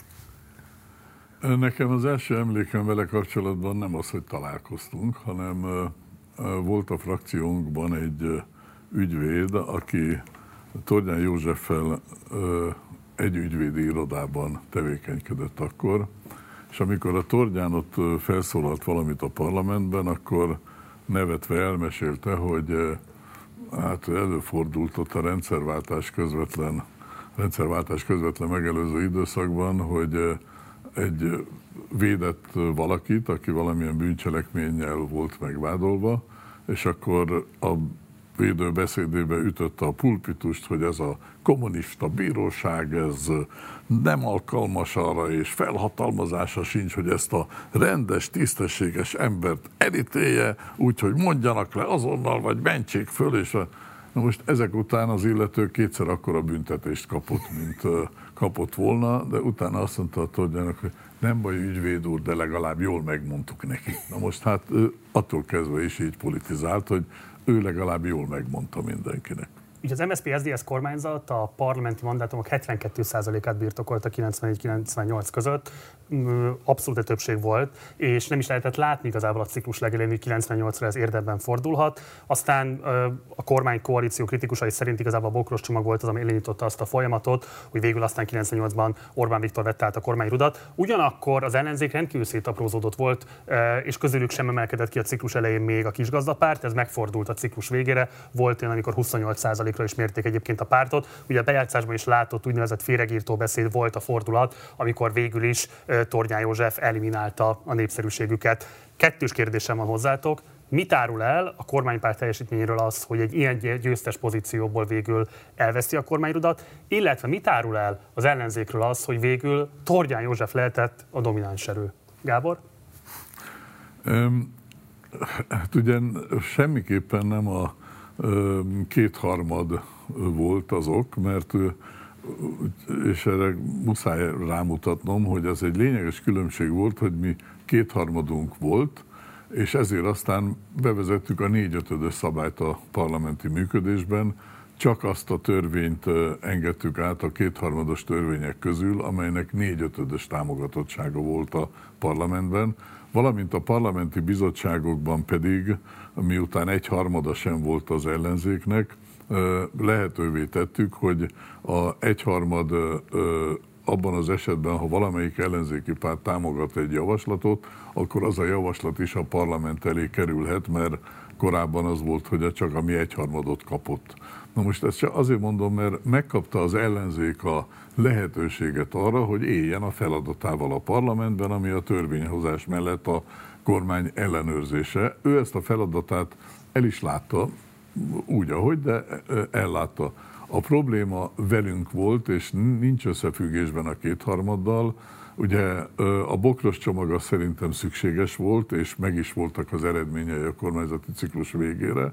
Valószínű, hogy a kormányon belüli viták, a, a, az a bizonyos tocsikügy korrupciós dolog, ami azért volt szép, mert egyik párthoz se jutott abból a pénzből, lehet, hogy a pártok nem is tudták, hogy hozzájuk megy, de akik kapták, azoknak vissza kellett utálniuk, vagy utalniuk, de lehet, hogy utálták, hogy vissza kell utalniuk, úgyhogy ez egy elszólás volt. De minden esetre ez egy ez egy ilyen szüzességet elveszítő dolog volt, hogy legalábbis az SZDSZ esetében, hogy úristen, hát már ezek is.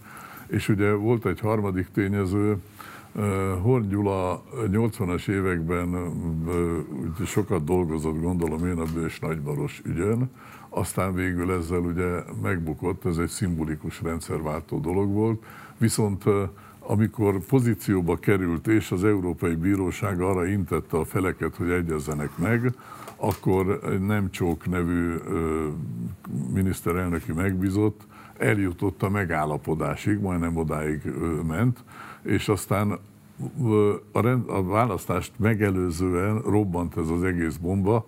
Az SZDSZ-nek két héttel volt egy, a választás előtt volt egy küldött gyűlése, ahonnan a küldöttek elmentek délbe, meg kellett szakítani a küldött elmentek arra a kormány ellenes tüntetésre, amely kormánynak mi tagjai voltunk, amelyet a Bős Nagymaros miatt csináltak, és ezek az ügyek vitték el valószínűleg odáig a választókat, hogy itt váltani kellene, és hát ugye Orbán Viktor akkor egy egészen más figura volt, és ezt mutatta, és hát ezek együtt megjegyzem, a szocialisták az első fordulóban nyertek azért maradt meg, a, azért nyert Orbán Viktor, mert Tordján nyol, több mint 80 helyen vissza. A második fordulóban valóban, akkor még két fordulós volt választási így van, rendszer. Így van, viszont az SDS meg a korábbi eredményeihez képest nagyot veszített, ugye 7,5 százalékot ért el.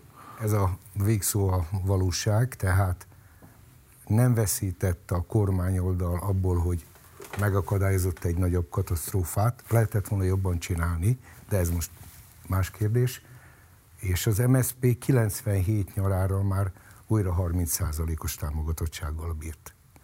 Annyival, mint akkor már a Fidesz is. És ezt a relatív előnyét még növelni tudta egy kicsit tavaszra, a választásokra, és erre utalt Gábor, hogy az első fordulóban a listás szavazást tulajdonképpen megnyerte az MSP, majdnem ugyanannyi szavazatot kapott, mint 94-ben. Tehát bocs, tehát a, a történet nem úgy volt, ezt muszáj ők elmondani. A probléma abból volt, hogy Tordján és az Orbán között létrejött egy olyan, később a kisgazdapártot tönkretevő paktum egyébként, amivel a második fordulóban több körzetben tudott mandátumot szerezni, az MSZP akkor 52 helyen szerzett mandátumot a második fordulóban.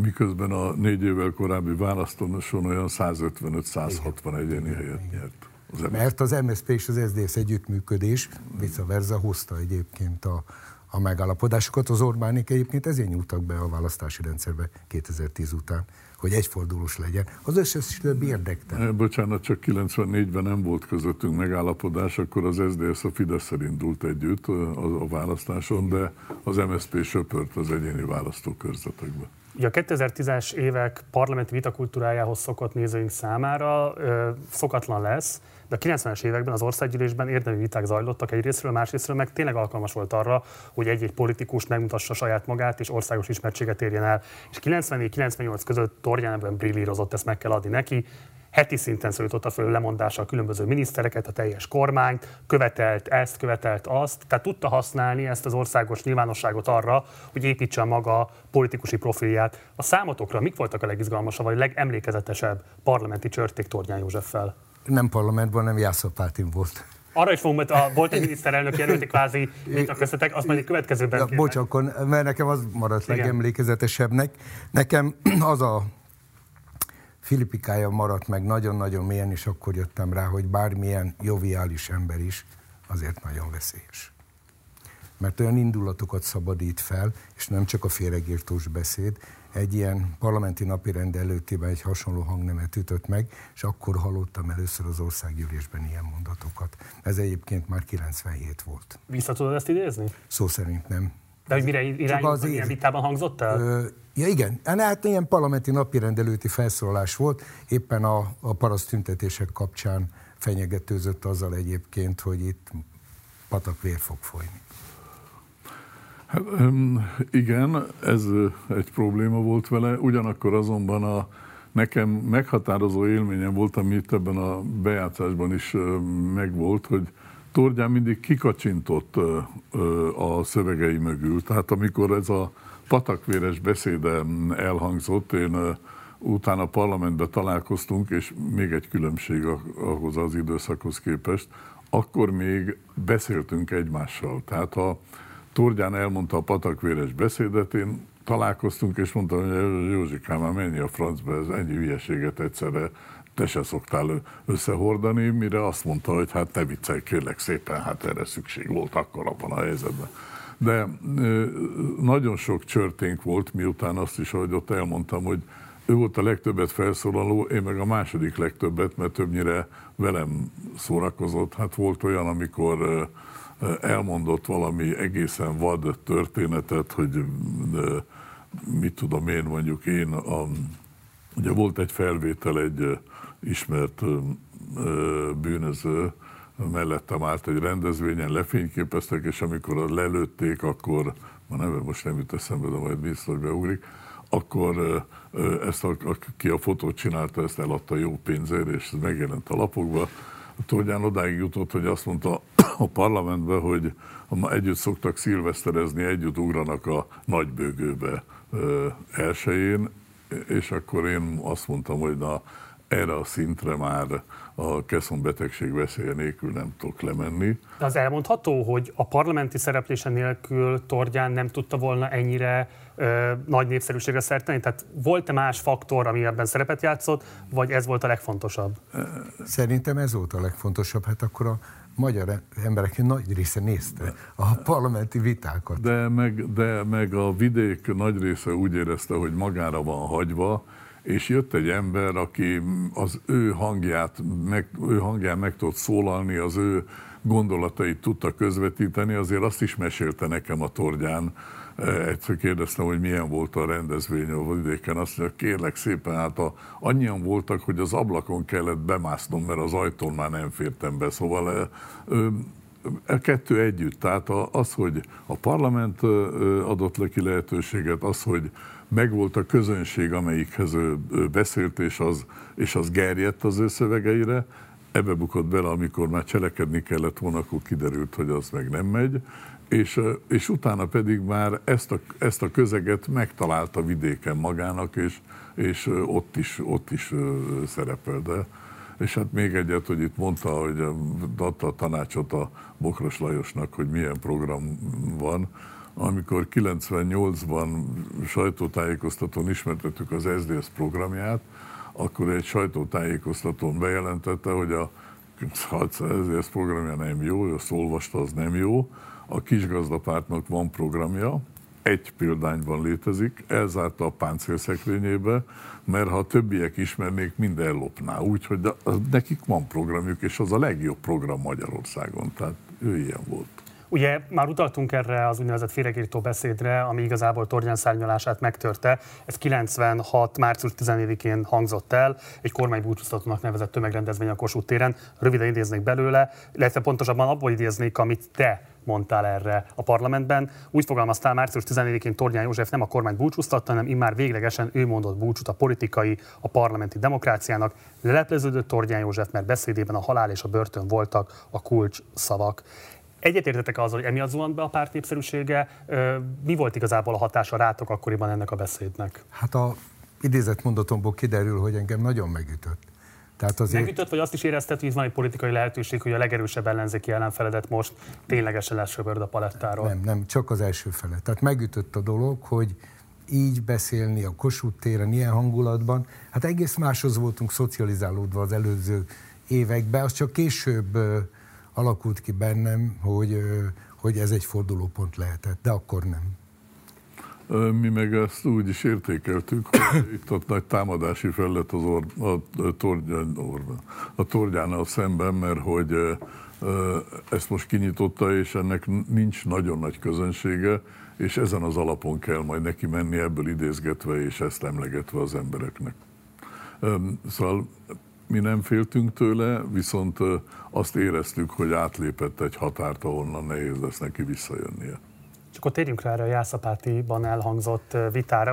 97-ben Horn József vitára hívta ki az akkori miniszterelnököt Horn Gyulát, aki hát neked delegálta ezt a nemes feladatot, és végül Jászapátiban került sor a vita megrendezésére. És érdekes, hogy a korabeli sajtótudósításokat néztük, úgy foglalták össze, hogy igazából Tornyán habitusának nem kedvezett ez a formátum, nem nagyon tudta ezeket a szabályokat tartani, és hogy nem tudott jó debattőrként szerepelni ezen a vitán. Te magad hogyan emlékszel erre vissza? Hát nem a Horn, bocsánat, nem a Horn dedikálta. Tordján fölállt, és azt mondta, hogy most járt Jászberényben, és ott azt mondták neki az emberek, hogy én, mint képviselő, nem járok haza. Én meg fölálltam, és azt mondtam, hogy Jászberény szép város, de hát én Jászapáti képviselője vagyok. Úgyhogy jöjjön el oda, és vitázunk. Ez így történt. Mire kiértem a folyosóra, bocsánat, és az újságírók megkérdezték, hogy elfogadom a vita kihívást. Mert ahogy kilépett, bejelentette, hogy ő hívott ki a vitára. Ez volt Tordján. Mondtam az újságíróknak, hogy igen, elfogadom, mert hogy én hívtam ki. Tehát ez, a, ez az eredet története ö, megroppant a vita alatt, úgy éreztem. Sőt, az utolsó 20 percben, ami még lett volna, tulajdonképpen engedtem, hogy befejezzük. Mert megsajnáltam piros volt a feje, ugye tudtam, hogy cukorbeteg. Álltunk ott már egy hosszabb ideje, tehát a vita során, és azt gondoltam, hogy nehogy rosszul legyen, vessünk neki véget. De miért tudott jól szerepelni? Hát azért mondjuk Tornyán József egyrészt ugye ügyvédi praxisából adódóan is edzett az ilyenfajta retorikai versenyekben, ráadásul a parlamentben is azt a képet lehet őrizni, hogy ő aztán tényleg gátlások nélkül nagy bátorsággal szállt bele bármelyik képviselőtársába, hogyha úgy érezte jónak. Ráadásul igazán barokkos szófordulatokkal tudott rendkívül ízesen eh, vitázni, sokszor mondom még egyszer a gátlásokat is nélkülözve. Miért nem tudta ezeket a képességét kamatoztatni veled szemben? Mert jobb voltam. Tehát most nem hülyeskedek, nagyon felkészültem rá. Tudtam, hogy mivel fog jönni. Végig gondoltam. Tudtam, hogy milyen szavakat fog használni, milyen célzásokat tesz, milyen mondatai lesznek, és egyszerűen, amikor van mód rá válaszolni, és még egyszer van mód rá, és érvelni van mód, akkor összeroppant. Tehát ott a teremben ült 400 ember, 200 kisgazda, 200 MSZP is ment ott minden közben. Egy olyan 20 perc után éreztem a levegőbe, hogy az egyik oldal csöndben van. Megérezték, hogy itt baj van. És szerintem Tordján is megérezte. Mert állandóan mondott valamit, mondtam, oké, okay, akkor nézzük meg, hogy ez hogy van. Így van, vagy nem így van? Válaszoljon rá. Egy olyan 40, rettentő hosszú volt. Két és fél órát tartott eszméletlen fárasztó volt egyébként, de ahogy mentünk bejebb, bejebb, és mindig racionálisan érveltem, vagy visszakérdeztem, egyre, egyre, egyre inkább csúszott lefelé. Lehetett érezni, tehát magyarul, ha idő, ha tér van, akkor a populistákkal is föl lehet venni a, a vitát és a versenyt. És akkor zárásként beszéljünk erről az úgynevezett bombaügyről. Ugye a kampány finisében először a kisgazdapárt székháza előtt találtak egy bombát, vagy négy nappal később Tornyán József budai villájánál is találtak egy bombát, azt mindkettőt sikerült hatástalanítani. Bocsánat, nem a, a budai villa előtti az sajnos felrobbant, de személyisérülés nem történt. Viszont ami nagyon fontos, hogy a különböző hatósági vizsgálatok megállapították azt, hogy azonos a két szerkezet, illetve annak az alapanyaga, amit egy szlovákiai gyárban tudtak beazonosítani. Emiatt nagyon sokáig tartotta magát az a feltételezés, hogy esetlegesen a szlovák titkosszolgálat állhat a merénylet mögött, bár igazából erről a mai napig nem tudunk semmi biztosat, és 2000-ben le is zárták ezeket a nyomozásokat. A te legjobb tudomásod szerint ugye belügyminisztere voltál a Hord kabinetnek. Ki és miért akart bombát robbantani? Hát nem tudni, ugye ott vége lett a kormányzásnak, azért a, szóval ott, itt volt egy sor, egyszer volt a leszámolás az alvilágban, de volt egy ettől eltérő sorozat, ami a politika ellen irányult, volt egy MSZP székháznál, volt a Szájer lakásánál, volt a Fidesz Lendvai utcai székházának a teraszát robbantották, volt a fel nem robbant bomba a kisgazdaszékház előtt, és volt ez a felrobbantott a Tordján lakásnál. Ezeknek a közös jellemzője valóban az volt, hogy vissza lehetett vezetni az anyagokat ahhoz a szlovákiai gyárhoz, egyrészt, másrészt mindig kínosan ügyeltek arra, hogy soha személyi sérülés nem tört, ne történjen. a konkrétan a Tordján lakásnál, nem is a Tordján lakásánál, hanem egy másik háznál robbant, aminek a garázsai elé helyezték el a bombát, fölötte volt egy tető, az csak azért érdekes, mert amikor felrobbant a lökés hullámok, a tető és a föld között fölle pattogtak, és olyan erejük volt, hogy leszívták a garázsokról az ajtókat, és az is kiderült, hogy távirányítással robbantották úgy, hogy megvárták, amíg biztos, hogy senki nincs a környéken. Tehát, és akkor ugye még volt egy sorozat, hogy kézigránátokat dobáltak be használt autótelepekre, ami fölrobbant, öt autó megsérült, és másnap megírták a lapok, hogy újra történt egy robbantás. Hát összességében a kettőből együtt vagy tíz robbantás volt. Tehát nagyon nagy károkat okozott a közbiztonságot vizsgálóknak is, a politikának, ter nekem személy szerint is. A Tordjánék esetében a robbanás, a robbanás történt, ők egy másik házban a másik oldalon laktak, de ezzel egy én kimentem azonnal a helyszínre, Józsi bácsi lejött a fürdőköpenyében, és elmondta, hogy micsoda rettenetes életveszélynek volt kitéve, és csak a hihetetlen lélek jelenlétének köszönhető, hogy sikerült a családja épségét megóvnia. De szóval ez, biztos, hogy ez a része a robbantás sorozatnak politikai célú volt, de utána viszont már én nem tudtam követni az eseményeket, mert ugye a váltás következményeként a nyomozást a új kormány alatt végezték. Ezeknek a robbanásoknak azonnal végük is szakadt utána, de se a szlovák szállat, se a magyarországi szállat nem tudom se erősíteni, se cáfolni. És döbbenet, hogy mind a mai napig nem lehet tudni, hogy mi történt. Tehát egy ilyen ügyet egy országban, mert ez egy sorozat volt. Sőt, a két forduló között erősödött fel a, emlékeim szerint a Szájernek azt hiszem akkor volt már a robbanása, hogy, hogy utána ezt eltemetik. És, és nem derül ki, hogy itt mi történt. Lehetetlen, hogy nem, kide, nem lehetne kideríteni. Tehát szálak valahova vezetnek ilyenkor mindig. Nagyon rossz jelzés volt. Tehát többen úgy, mikor beszélgettünk erről, úgy éltük meg, hogy hát ezt azért nem gondoltuk volna, hogy a politikába bejön egy ilyen módszer. Nem tudtuk, hogy ki, és nem tudtuk, hogy miért, de hogy ilyen módszert egyáltalán alkalmaznak, és, és egyszerűen megdöbbentő volt. Gábor, azt te is említetted, hogy ennek politikai indítatása lehetett, tehát nyilvánvalóan egy választási kampányban egy ilyen esemény, akár akaratlanul is, de nyilvánvalóan befolyásolja a végeredményt választásoknak. Ugye te ex-belügyminiszterként felteszem, hogy azért a mai napig valamilyen típusú rendőrszakmai kapcsolatokkal rendelkezel, tehát valami fajta sejtés felteszem van a rendőrszakmai berkeken belül arra vonatkozóan, hogy mégis ki lehetett a konkrét megbízó, és legalább azt jó lenne tudni, hogy ez egy belső leszámolásnak volt a keretében elkövetett merénylet, vagy itt tényleg arról kell gondolnunk, hogy külső ország, adott esetben titkosszolgálat, adott esetben más alvilági szervezete megpróbálta befolyásolni egy ország szuverén önrendelkezését a választások keretében. Ha leszámolást mondtál, ez nem illeszkedett a leszámolási sorba, tehát ez nem, a, nem az alvilágon belüli vitákhoz tartozó robbantás sorozat volt, ez más volt. Én nem csinálok most hírt azzal, hogy elkezdek itt találgatni arról, hogy külföld vagy belföld, az robbanóanyag szlovák volt ugyan, abban az időben volt még egy robbantás az Aranykéz utcában, ami a leszámolásokhoz tartozott, és ott, ott a tettes volt a szlovák, akit aztán, mint kiderült, itthonról béreltek föl. De ebben az esetben én nem kezdek el találgatni, mert ez túl forró pite ahhoz, hogy az ember itt bárhova mutogasson, reménykedjünk, hogy egyszer majd valaki mesélni kezd. Ha a jelenlegi belügyminiszternek vagy a rendőrség vezetőnek lenne politikai akarata arra, hogy ezt az ügyet földerítsék, föl lehetne még a mából deríteni?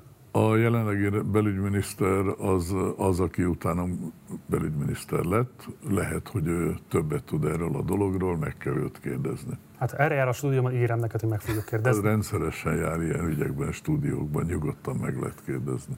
Kunce Gábor, Szekeres Imre, köszönöm szépen, hogy itt voltatok. Szervusztok! Szervusz!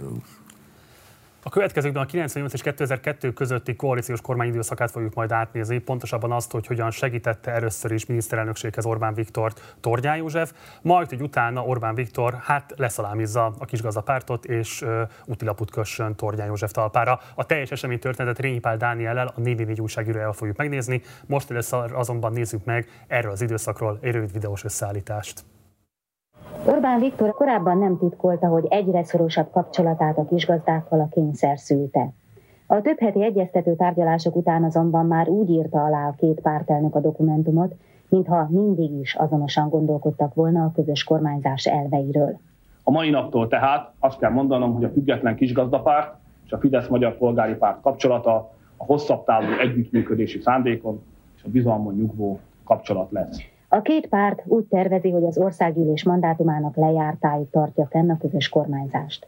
Tehát a mi alapállásunk az, hogy nekünk együttműködni kell, nem pedig egymással vitatkozni. Egyhetes találgatás és egész napos várakozás után eldőlt Tordján József sorsa. Február 15-től távozik az agrártárca éléről. Utódjaként Gyimóti Gézát ajánlotta, ezt közölte ebben a percben a kormányfő. A döntés alig fél órával ezelőtt vált véglegessé, amikor Orbán Viktor miniszterelnök négy szem közt találkozott Tordján Józseffel a Béla Király úti kormányfői rezidencián. Este 6 óra után távozott a Béla Király úti miniszterelnöki rezidenciából. Itt a helyszínen jelentette be az újságíróknak, hogy visszaadta miniszteri megbizatását Orbán Viktor kormányfőnek. Ha el lehet odáig jutni, hogy az én ártatlan gyerekemet azért vádolják, mert engem, mint minisztert szeretnének eltávolítani, én nem miniszternek születtem, hanem Tordján Józsefnek, és mint a független kisgazdapárt elnöke, éppen elég feladatom van, tehát kértem a miniszterelnök urat, hogy fogadja el a lemondásomat, magam helyett Gyimóti Gézát, a, az országgyűlés alelnökét javasoltam, aki korábban a mezőgazdasági bizottság alelnöke volt. És itt van már velem a stúdióban Rényi Pál Dániel. Szervusz, köszönjük, hogy elfogadtad a meghívást. Hello, Marci, köszönöm. Ugye a Fidesz és a kisgazdák, vagy pontosabban Orbán és Tordján viszonya soha nem volt felhőtlen, igazából a koalíciójukat is a kényszer szülte. De a Győzelmi Kényszer című kötetedben több történet is elmesélsz, elmesélsz Orbán és Tordján viszonyáról. Igazából milyen dinamikák jellemezték a viszonyukat a rendszerváltástól a 98-as kormányalakításig? Hát valamikor az első találkozásuk az, ö, én úgy tudom, hogy a 90-es évek elején derekán történik meg. Ugye a könyvben ezt egy, egy teremtornához kötöm, ahol egy csapatban fociztak mind a ketten, által volt egy ilyen ö, esemény is. Um, de a lényeg az, hogy a, 90, tehát a politikailag releváns kapcsolatok az a 95 körül kezdődik, amikor ugye rivalizálást kezdődik igazából a jobb oldal dominanciájáért kettőjük között, és akkor ez még Tordjának áll ez a meccs 94 végén, 95 elején. Um, és ugye az egész ciklus arról szól, hogy Orbán el akarja kerülni az együttműködés Tordjánnal egy esetleges jobboldali győzelem esetén, de ezt nem tudja ezt végül is megtenni. Ugye a választások előtt azt is kimondja, hogy egyetlen egy párttal tudja nem elképzelni a koalíciót, és az a kis gazdapárt. Hát igen, de ugye egyáltalán az erőviszonyok sem, tehát a 95-96-ban még, és 95-ben egész biztosan a kis gazdapárt vezet a Fidesz előtt nagyságrendekkel is. A nagyságrendekkel nem, százalékokkal igen. És, és aztán megfordul ez, és egyébként épp az ominózus féregírtós beszéd az, ami átlöki a Tordjánon az Orbánt idővel, tehát hogy a, az a fajta gátlástalanság, ami a, Tordjánt jellemezte sokáig, és ami sokáig repítette végül is az, ha nem is az okozta a veszélyt, de amiatt nem tudott végül is túlnőni a saját árnyékán.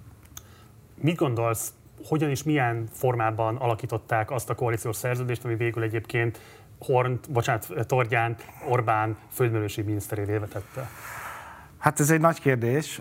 Mit lehet erről tudni? Hát ugye azt tudjuk, hogy a legfontosabb, ami, a, ami, ami az Orbán fejében alapvető szempont volt az az, hogy ilyen úgynevezett tiszta minisztériumokat hozzon létre. Ugye korábban azért az Antal kormányban és a Horn kormányban is úgynevezett vegyes minisztériumok voltak. Ez azt jelentette, hogy egyetlen párt sem uralt teljesen egy-egy minisztériumot, hanem az államtitkárt koalíciós partnerek adták, és egyfajta csapatmunka zajlott. Az Orbán ragaszkodott ahhoz, hogy, hogy kapjanak minisztériumokat a kisgazdák, és ne legyenek kisgazdák az ő minisztériumaiban. És ez egy óriási skandalozás zajlott, a belügyet nagyon akarták a tordjánék, de sikerült leszerelni őket azzal, Ugye három tárcát kaptak végül, a honvédelmét, a környezetvédelmét és a vidékfejlesztését, ahol még az ilyen EU-s előkészítő projekteket is oda csapták a vidék, az erős vidékfejlesztési, területfejlesztési minisztérium volt. De a Jolly Joker az ugye ez az államfői poszt volt, hogy az Orbán ígéretet tett a Tordjánnak négy szem közt arra, hogy 2000-ben Sőt, erről született is egy megállapodás, egy ilyen nagyon okosan megfogalmazott megállapodás az Orbán részéről, ami arról szólt, hogy a 2000-es államfőválasztásának két párt végső soron közösen állít majd jelöltet. És akkor ez volt az igazi, ezért nem kapott annyira sok tárcát végül is a kisgazda párt, mert ez, a, ez az ígéret ez ott lebegett a, az egyesség fölött. És hát aztán ez végül is tökéletesen még ez a, ez a stratégiája az Orbánnak, mert ahhoz, hogy le tudja később szalámizni a, a kisgazdákat, ez az kellett, hogy a politikai felelősség, ami ezeknek az egyes tárcáknál a Pepó Pál alatt és a, a Tordján alatt a Szabadi Béla Szabadi Béla államtitkárságán történtek, azok ne kenjék össze a Fideszt. Ugye így lehetett, így alakult ki az egészen bizarr helyzet, hogy miközben megbukott a Tordján, és a kormány végső soron megtört 2001 elején, lehet ezt így fogalmazni, a Fidesz ö, népszerűsége nőtt. Tehát miközben a koalíciós partner támogatottsága összeomlott lényegében kétszer kettőre, a Fidesz ö, tudott ö, nyerni azon, hogy a Tordjánt kirakták a kormányból. Na, akkor erről beszélni egy kicsit kérlek, mert ugye Orbán elég hamar meghirdette az egy a kormány, egy a tábor, egy az ászló e, hitelvét, és hát ennek jegyében igazából a ciklus végre, hogy te is mondod, az FKGP-t ledarálták. Um, szerinted itt Tordjánnak volt politikai alkalmatlansága, ami kiderült, vagy pedig arról volt szó, hogy a Fidesz eleve már azzal a szándékkal húzta be őket a koalícióba, hogy adott esetben elejét vegye annak, hogy legyen egy akár a Fidesznél is erősebb jobboldali gyűjtőpárt. Nekem az a meggyőződésem, hogy például 98-ban elég nagy nyomás volt a Fideszen, kül, főleg külföldi nyomás, hogy ne a kisgazdákkal legyen koalíció. Tehát ott azért ez nagyon-nagyon valószínűnek tűnt, már kezdettől fogva, de visszaolvasod a sajtót, akkor nem volt az eleve eldöntött. Még a nagy koalíció az Orbán fejében valószínűleg teljesen ki volt zárva, de ott a sajtóban erről komoly vita volt. És az egyik fontos szempont szerintem épp az volt, ez a tiszta minisztérium koncepció, meg az, hogy, a, hogy az Orbán eleve úgy tenkített a koalíciós partnerként a Tordjára, mint ami ő tudta, hogy ez nem fog végigmenni szerintem ez a történet. Tehát igazából az, hogy, hogy ő pontosan tudta, hogy egy-két éven belül annyira korrumpálódni fog a kisgazdapárt, hogy neki lesz lehetősége arra. Azt gondolom, hogy ezért is ajánlotta fel ezt az államfői pozíciót, lebegtette be ezt az államfői pozíciót, mert ő bízott abban, azt gondolom, hogy látta a Tordjánon, hogy a Tordján egy, egy, vannak politikai kvalitásai, tehát hogy a, fellépése és az egész fickónak ez a, ez a gátlástalansága, ez, az, ez, a, ez a vehemenciája, ez, ez, ez tudja húzni ezt a pártot, de vezetőnek abban az értelemben, hogy koordinálja az alatta lévő embereket nem volt jó. És ez az elég gyorsan ki is derült. A másik fontos szempont Most pedig... miben derült ez ki leginkább? Hát ugye abban, hogy, hogy a Pepo vagy a Szabadi a Fradinál, ugye, aki ugye a Szabadi nem csak a politikai államtitkára Igen. volt, hanem a, a Fradinak, Szabadi Béla, a Szabadi Béla, aki ugye az államtitkárságán azt hiszem, hogy vidékfejlesztési és földművelésügyi politikai államtitkár úrnak neveztette magát, meg kinyit, kinyitatta a Fradi uszodát, hogyha úsz, tehát hogy ilyen olyan dolgai voltak, és ezek az ilyen nagyon látványos botrányok iszonyatosan sűrűk voltak a kisgazdapárt környékén. A Pepó, a Pepóval esett meg az, hogy annyi korrupciós botránya volt, hogy, hogy aztán le kellett mondatni, és helyére rakott a Tolgyán egy Ligetvári Ferenc nevű minisztert, akit, akit kicsit, akit pontosan azért rakott oda, hogy elszámoltassa a Pepót, és hogy ott rendet csináljon. De annyira rendet csinált, annyi korrupciót tárt föl, hogy azért kellett aztán leváltatni, mert hogy túl sok volt már az ügy, ami kikerült a, a, a szőnyeg alól. Tehát, hogy ilyen értelemben erre, erre gondolnak azt, hogy nem tudta kontrollálni az embereit.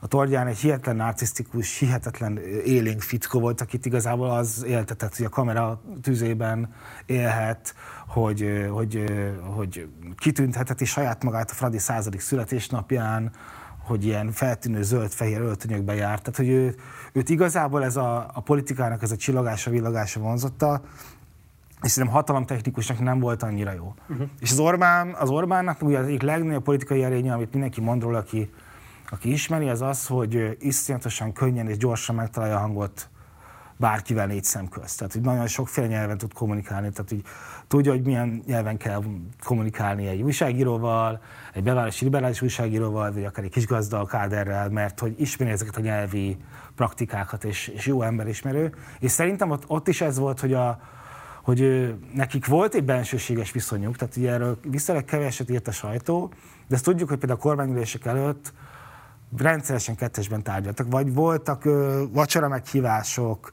ugye erről, erről speciál voltak cikkek, hogy ö, a feleségét, tehát meglátogatták a Tordjánékat, az Orbán család, vittek virágot, tehát ezek az ilyen nagyon ilyen teátrális gesztusok, ezek fontosak voltak a Tordjának, az Orbán szerintem el tudta hitetni azt a Tordjánnal, hogy ebben a kapcsolatban ő irányít, és szerintem ez volt a kulcs, hogy a Tordján azt hitte, hogy itt ő irányít. Ha már a menedzsmenti képességek megléte vagy hiánya előkerült, ugye legendás az is, hogy ő egy ideig elnöke volt a Fradinak. Igen. Meg, rögtön megérkezése után menesztette az addigi sikeres edzőt, arról szóltak az újságírek, hogy hónapokig nem voltak kifizetve a játékosok, és egyéb botrányok is üvezték a tevékenységét. Ráadásul, hogy te is utaltál rá, ugye a minisztériumban az államtitkára Szabadi Béla, az hát részben az FTC-ben is szerepet vállalt, és aztán a különböző összefonódások a minisztérium és az FTC között olyan politikai botrányokat eredményeztek, amely miatt hát Szabadi évekig járt még a bíróságra, végül aztán 2009-ben mentették fel, vagy ha nem mentették fel, bocsánat, kapott felfüggesztett börtön börtönbüntetést, de igazából belevitette el a balhét. Miért volt szüksége Tordjánnak a Fradira, és szerinted mennyiben lehetett ez ilyen értelemben szerepmodell Orbán számára, amikor most ugye 2010-ben azt lehetett látni, a különböző jelentősebb sportszövetségek élére, hát a politikai kádereit nevezi ki egyre másra. Hát szerintem a két dolog az, az, az külön válik. A Tordjának szerintem a Fradi személyesen volt fontos, ő ugye nagyon, ő Máté Szalkai volt, de egy nagy Fradi szurkolónak vallotta magát, erről korábban is nyilatkozott, hogy még a 94 és 98 közötti ciklusban is rendszeresen, hogy majd ő meg fogja váltani a Fradit, és lássák meg, hogy, hogy el fogja hozni a Fradinak az aranykorát. Nem hozta el. Én azt gondolom, hogy ez inkább egy ilyen személyes, mámoros dolog volt számára, és az Orbánnak ez nem volt akkor áldozat 98-ban, hogy ezt átengedje. Ráadásul ott azt hiszem, ha jól emlékszem, hogy a Földművelési Minisztérium kezelte az ülőjúti stadion, tehát hogy ott egy vagyonkezelői felügyelete is volt a tárcának, és ezért ez valahogy adta is magát, tehát hogy amint az FBM-et megkapta, a kisgazdapát lehetett tudni, hogy a tordján jön. De hát abból is látszik, hogy Szabadi Béla, akit odarakott a Fradi, de soha életében nem járt az ülői úton. Tehát semmi köze nem volt a Fradihoz, fogalma nem volt, hogy hol van. Egy ilyen kis király volt. És a Tordjánon is, tehát tényleg ez, hogy azért azt el tudod képzelni azt, hogy a, a Ferencváros, amik tényleg azért az egyik legpatronásabb magyar klub, száz éves születésnapján saját magát tüntette ki Albert Florian előtt nem tudom, még ki volt, nem akarok hülyeséget mondani, de tényleg olyan teátrális dolgokat csinált meg, amiket a mai fejjel szinten alig tudunk elképzelni. Tehát nem gondolom, hogy ez össz párhuzamba hozható az Orbánnak a későbbi sportpolitikájával, ami sokkal ami szintén egy személyes dolog volt, de... Azt, hogy a politikának érdemes fognia ezeket a kvázi civil szervezeteket, ezeket a politikától amúgy függetlennek gondolt sportszövetségeket, hogy ebben van politikai potenciál, ebben van kulturális potenciál, és ez építheti a politikus nívóját, vagy hát igen, hírnevét. Hát szerintem ezt az Orbán már korábban érezte. Igen? Én, nem gondolom, hogy, én azt gondolom, hogy ez egy áldozat volt inkább a részéről. Tehát azért a Tordján, a Fradéren az nem volt egy sikersztori, ott 300 milliós mínusz volt. Uh, tényleg az, uh, ugye ki, nemzeti sportban volt arról cikk, hogy a Tordján bement az öltözőbe, és vigyázálásba kellett a játékosoknak állniuk, meghallgatni. És volt konkrétan bekönyörögte a Mátyus Jánost, a, hogy, hogy könyörögte, a, a Muha József volt az edző, és megmondta neki, hogy a Mátyus mostantól csatát fog játszani. Tehát azért az Orbánnak is voltak ilyen, ö, hogy mondjam...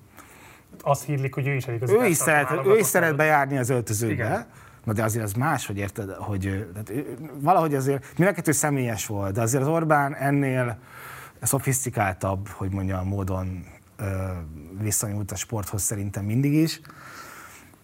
Úgyhogy inkább azt gondolom, hogy ez egy áldozat volt. Egy, egy, hát ugye nyilván vannak olyan találgatások, ugye az Orbánnak volt újpesti vonzalma kiskorában, és van olyan találgatások, vannak olyan találgatások mai napig, hogy, hogy, hogy személyes, hogy mondjam, érvek is szóltak amellett, hogy rátengedj, ráengedje, rászabadítsa a tordjánt a Fradira, én ebben annyira nem hiszek, de, de minden esetre nem ez volt a Fradi sikerkorszaka, ez biztos.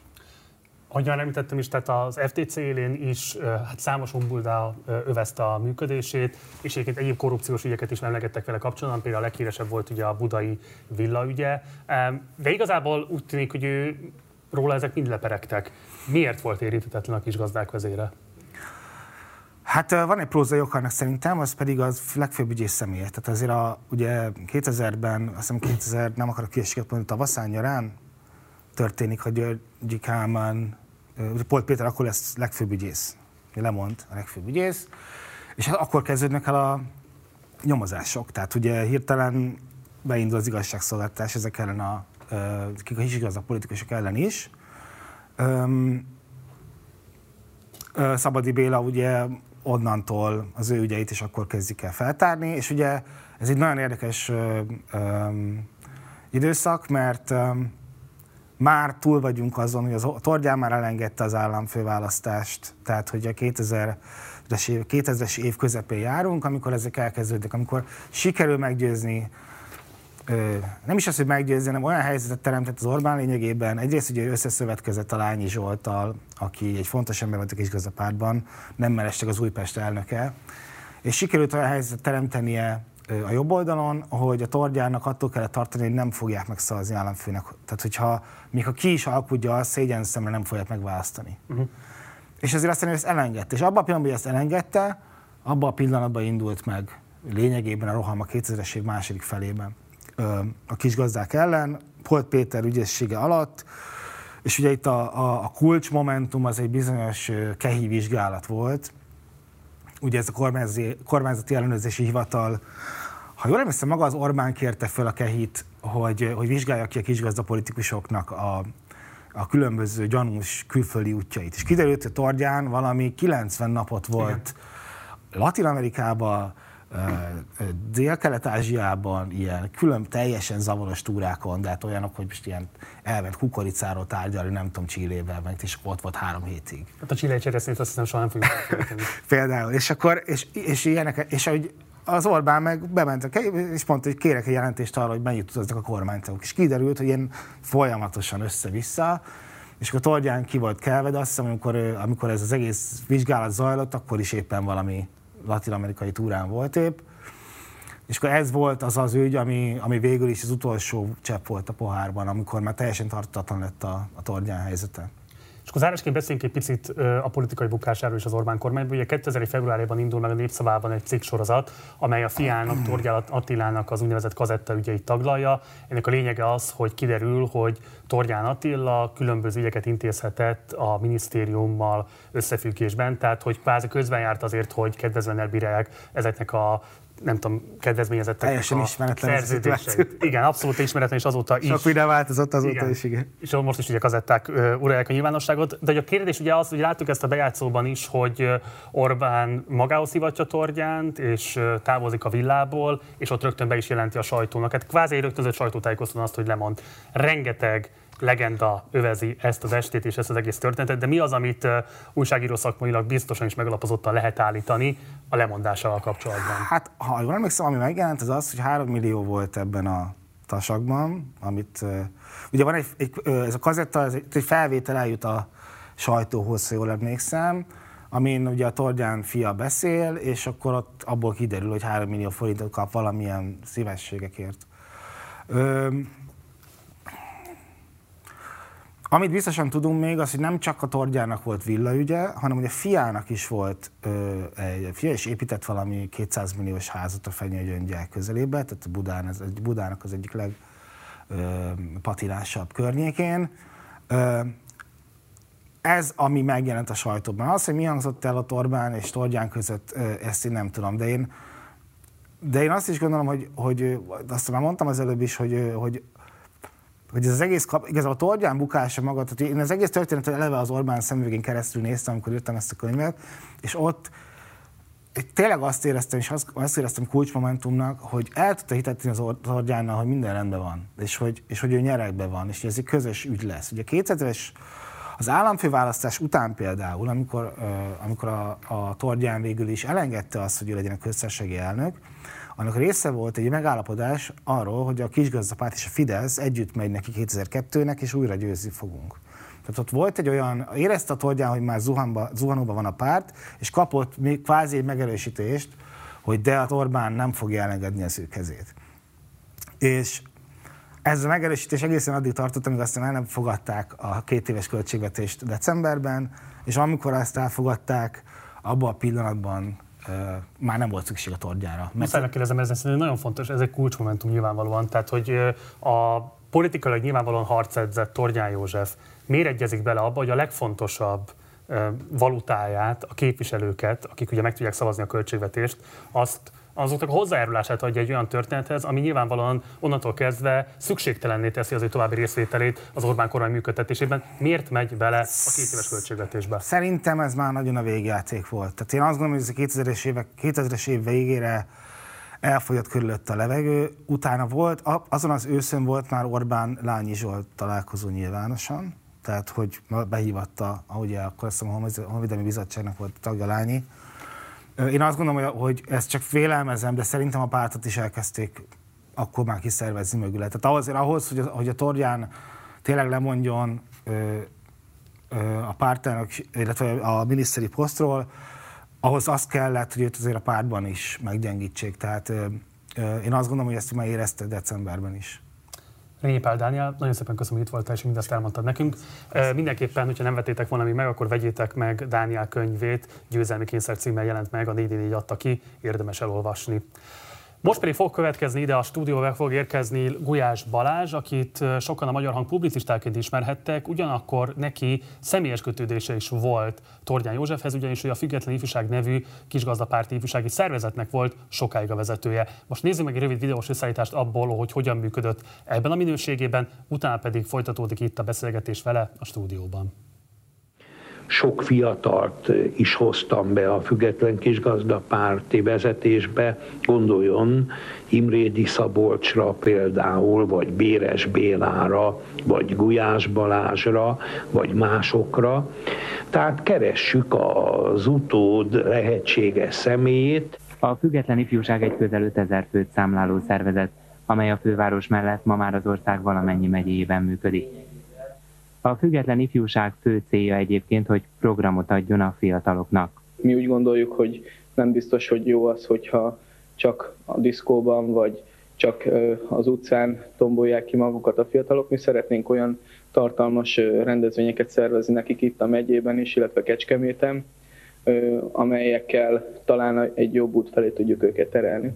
A független ifjúság élénken foglalkozik többek között a KISZ vagyon eltűnésével, amely mai árakon országos szinten 20-30 milliárd forintot jelent. Mi már ifjúsági vezetőként azt hiszem, hogy bizonyítottunk, ez, ennek volt tulajdonképpen a megkoronázása az, hogy most a nagy politika színpadára is léphettünk, és, és így már a kisgazdapárt politikusaiként mutatkozhatunk a nyilvánosság előtt. Tulajdonképpen a kisgazdapártnak az egész rendszerváltás utáni tevékenysége, mezőgazdaságról szóló politikai érvelése arra épült, főleg 1992 után, amikor a vagyonnevesítés megtörtént, hogy a külső üzletrészesek tulajdonát tulajdonképpen, tehát azt az üzletrészt, amivel rendelkeznek, ki kell fizetni, mert egy igazságtalanságnak tartottuk azt, hogy azok a kommunista jellegű, régi jellegű szövetkezetek, amelyek ezek a, ezeknek az embereknek, ezeknek a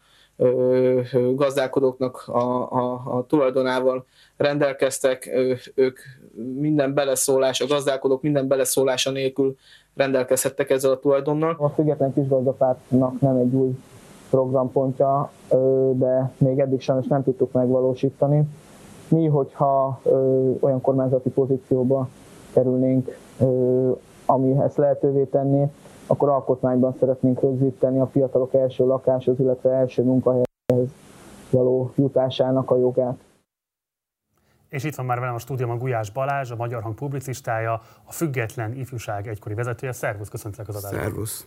Nem titok, vagy hát nyugodtan elmondhatom a nézők számára, hogy részben egyik ötletgazdá is volt ennek a mostani adásnak, egy közös beszélgetésünkben is fölmerült az, hogy érdemes lenne megemlékezni Tornyán Józsefről. Ám mikor és hogyan ismerkedtél meg vele? Mi a legelső emléked Hát személyes, nyilván a televízióban láttam gyerekként, de személyes emlékem az volt, amikor nagypapám, akinek elhoztam egyébként az 50 éves... a kamerának, hogy láthassák a nézők is. Melyik kamerának? Ami ott veled szembe van. Igen, tehát ez a nagypapámnak az 50 éves kisgazda tagsága után kapott arany kitüntetése, amit Tordján József kezéből vett át annak idején. Csak azzal, aha, tök jó. Okay. Jó, hát nem vagyok gyakorlott, tudod. Szóval ö, szerintem olyan 95-96 környékén lehetett, amikor én, amikor én találkoztam vele. Nem, 98-ban a kampány előtt. Győrött tartott egy fórumot, ahol a nagypapámmal elmentem, aki ős, ős kis gazda volt, és ott magához hivatott Tordjá József, mondom, mit akar tőlem Tordjá József, voltam 11 pár éves, és mondta, hogy kérlek szépen, hát indul a fővárosban egy fiatal, ti fiatalok vagytok, akkor gyertek föl és gyűjtsetek nekik kopogtató cédulát. Így ismertem meg őt. Neked milyen benyomásaid voltak róla, amikor együtt dolgoztatok még? Tehát nagyon sok mindenki beszélt most itt az elmúlt másfél órában arról. Nagyon, so, milyen... nagyon sok tárgyi tévedéssel tegyük hozzá. Akkor akár nyugodtan ezekre is kitérhetsz, de hogy neked személyesen milyen élményeid voltak? Hogyan formálta igazából a politikai szocializációdat Tordján József? Uh, azt kell, hogy mondjam, hogy nem ő, tehát a politikai szocializációmat nem, nem ő formálta, vagy nem ő alakította. Tehát akkor, amikor, amiben ők nem tudtak részt venni, mert ugye a, nyilván a rendszerváltás előtt a kisgazapárt nem működhetett, és nem tudtak mondjuk olyan kiadványokat, olyan konzervatív anyagokat elolvasni, ami mondjuk a, a kisgazdapárt elitjét igazi konzervatív vezetőkké, vagy konzervatív politikusokkal tehették volna, tehát abból dolgoztak, amit von Haushaus hoztak. Azt mi akkor már a mi korosztályunk, az a pár fiatal, aki, aki ott körülötte legyeskedett, mi már, mi már elolvastuk addigra. Tehát az én politikai szocializációmhoz tehát nem annyit adott hozzá, meg hát azért a Fradi miatt sokszor fogtuk a fejünket. Az, hát, hogy? Hát mert nekünk az, az sok volt, hogy miért kell a, a sportba a politikának benyomulnia, miért kell egy politikusnak egy, egy sportszervezet élén lennie. Tehát, tehát azért rettentően másképp láttuk már akkor is mi a világot, mint ők. Tehát én nekem azt, azt mondom, hogy 2002, tehát a bukása után ö, kezdett kialakulni egy, egy barátság, de akkor sem, nem elsősorban politikáról beszélgettünk, hanem az élet nagy dolgairól. A féregírtó beszédet azt élőben hallgattad? Igen, én ott voltam. Mi történt vele? A zenitjén volt a párt, lehetett úgy is számolni vele, hogy lehet, hogy kormányalakító erről lesz majd a választásokon, és mindezt sútba dobta egy beszéddel Tornyán József. Miért tett így? Elszámolta magát. Azt hitte, hogy az a 150 ezer nyilván Rákai Filip szerint két millió, vagy három millió ember, szóval aki ott volt a Kossuth téren akkor, azok jelenítik meg a teljes szavazóbázist, akit, akit ő elérhet. És ugyanúgy gondolkozik a maradék 1 millió 800 ezer, aki ahhoz kellett volna, hogy kormányozzon, mint az a 200 ezer ember, akinek valóban tetszett, vagy éjjenezték őt többségében ott, ott és akkor azon a téren. Elszámolta magát. Azt hitte, hogy tehát azt jól gondolta, hogy ennek a közönségnek, aki ott van a téren, erre van szüksége, de arra nem gondolt, hogy az a maradék jó pár százezer, aki otthon van, annak ez, ez az ízlésének nem megfelelő. Szerintem el, egyszerűen elszámolta. Van ilyen a politikában, hogy, hogy a politikusok elszámolják magukat. A politikai bukásáról már beszéltünk Rényi Pál Dániellel, és ő is azt mondja, hogy ez egy mai napig rejtélyes történet, hogy pontosan mi zajlódhatott le Orbán Viktor és Tornyán József között. Rengeteg legenda övezi ezt az egész találkozást. Ugye a leg konteósabb, legszélsőségesebb elméletek arról szólnak, hogy hát Tornyán Attilát ez alatt a központi nyomozóügyészség egyébként fogva tartotta, és azt állították Tornyán Józsefnek, hogy amennyiben lemondását beadja, akkor ha szabadon fogják engedni a fiát. Mivel vették rá arra, hogy ott abban a minutumban éjszaka lemondjon miniszteri posztjáról? Én ugye nem voltam ott ezen a találkozón, de beszéltem olyannal, aki, aki még él és, és jelen volt ezen a megbeszélésen. Szerintem, hogy fogalmazok diplomatikusan, jó felé kapizsgálsz, hogyha ha, ha mondjuk a családdal való megzsarolást keresed ennek a hátterében.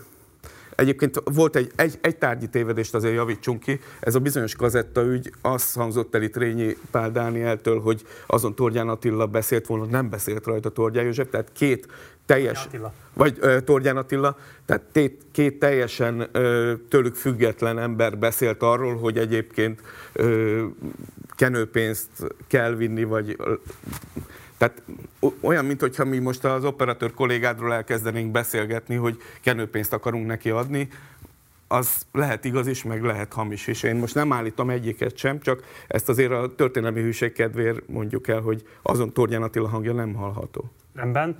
De akkor azt mondod, hogy azt meg tudod erősíteni, hogy azon az estén Tornyán József zsarolás áldozata lett, és emiatt Én nem tudom megerősíteni, azt tudom megerősíteni, hogy én ezt hallottam. Soha olyantól... nem veled, hogy olyan viszonyatok volt, hogy ezt soha nem is tetted föl neki ezt a kérdést? Ezt, ezt ö, akkor, akkor nem tettem föl ezt a kérdést, később, amikor föltettem neki, akkor elhárította, uh-huh. hogy erre válaszoljon, viszont beszéltem olyannal, aki ott volt, és ők azt állítják, hogy egy családdal történő zsarolás folyt ott a a villában, a miniszterelnöki villában. Annak ellenére, hogy a politikai pályafutásának Orbán Viktor vetett véget, igazából végig lojális maradt hozzá, már abban az értelemben, hogy például soha nem köpött utána, most kicsit vulgárisan kifejezve saját magamat, de a lényeg az, hogy soha semmilyen módon nem ért vissza a bizalmával, sőt kifejezetten elismerőleg nyilatkozott róla a nyilvánosságban.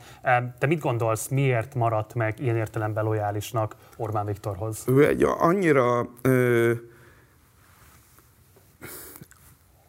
veleig a, az utolsó, a kisúlyának az utolsó percéig antikommunista volt, hogy ő azt gondolta, egyébként ez egy nagy vitánk volt 2002 után, már amennyire mi nagyokat vitáztunk, beszélgettünk inkább. Szóval ez egy nagy, nagy beszélgetés tárgya volt, hogy, hogy a személyes sérelmeket fel kell áldozni annak oltárán, hogy, ahogy ő fogalmazott, ne jöjjenek vissza a kommunisták, és ne tudjanak ö, ö, kormányt alakítani. Ö, ő azt gondolta, hogy ő neki csak személyes sérelmei vannak, és ez, ez Orbán Viktorra, mint politikusra nem szabad rávetíteni, és, és, és ezt valóban képviselte. Néha azért finom kritikát megengedett 2002 után, de, de ezek valóban nem, nem voltak erősek.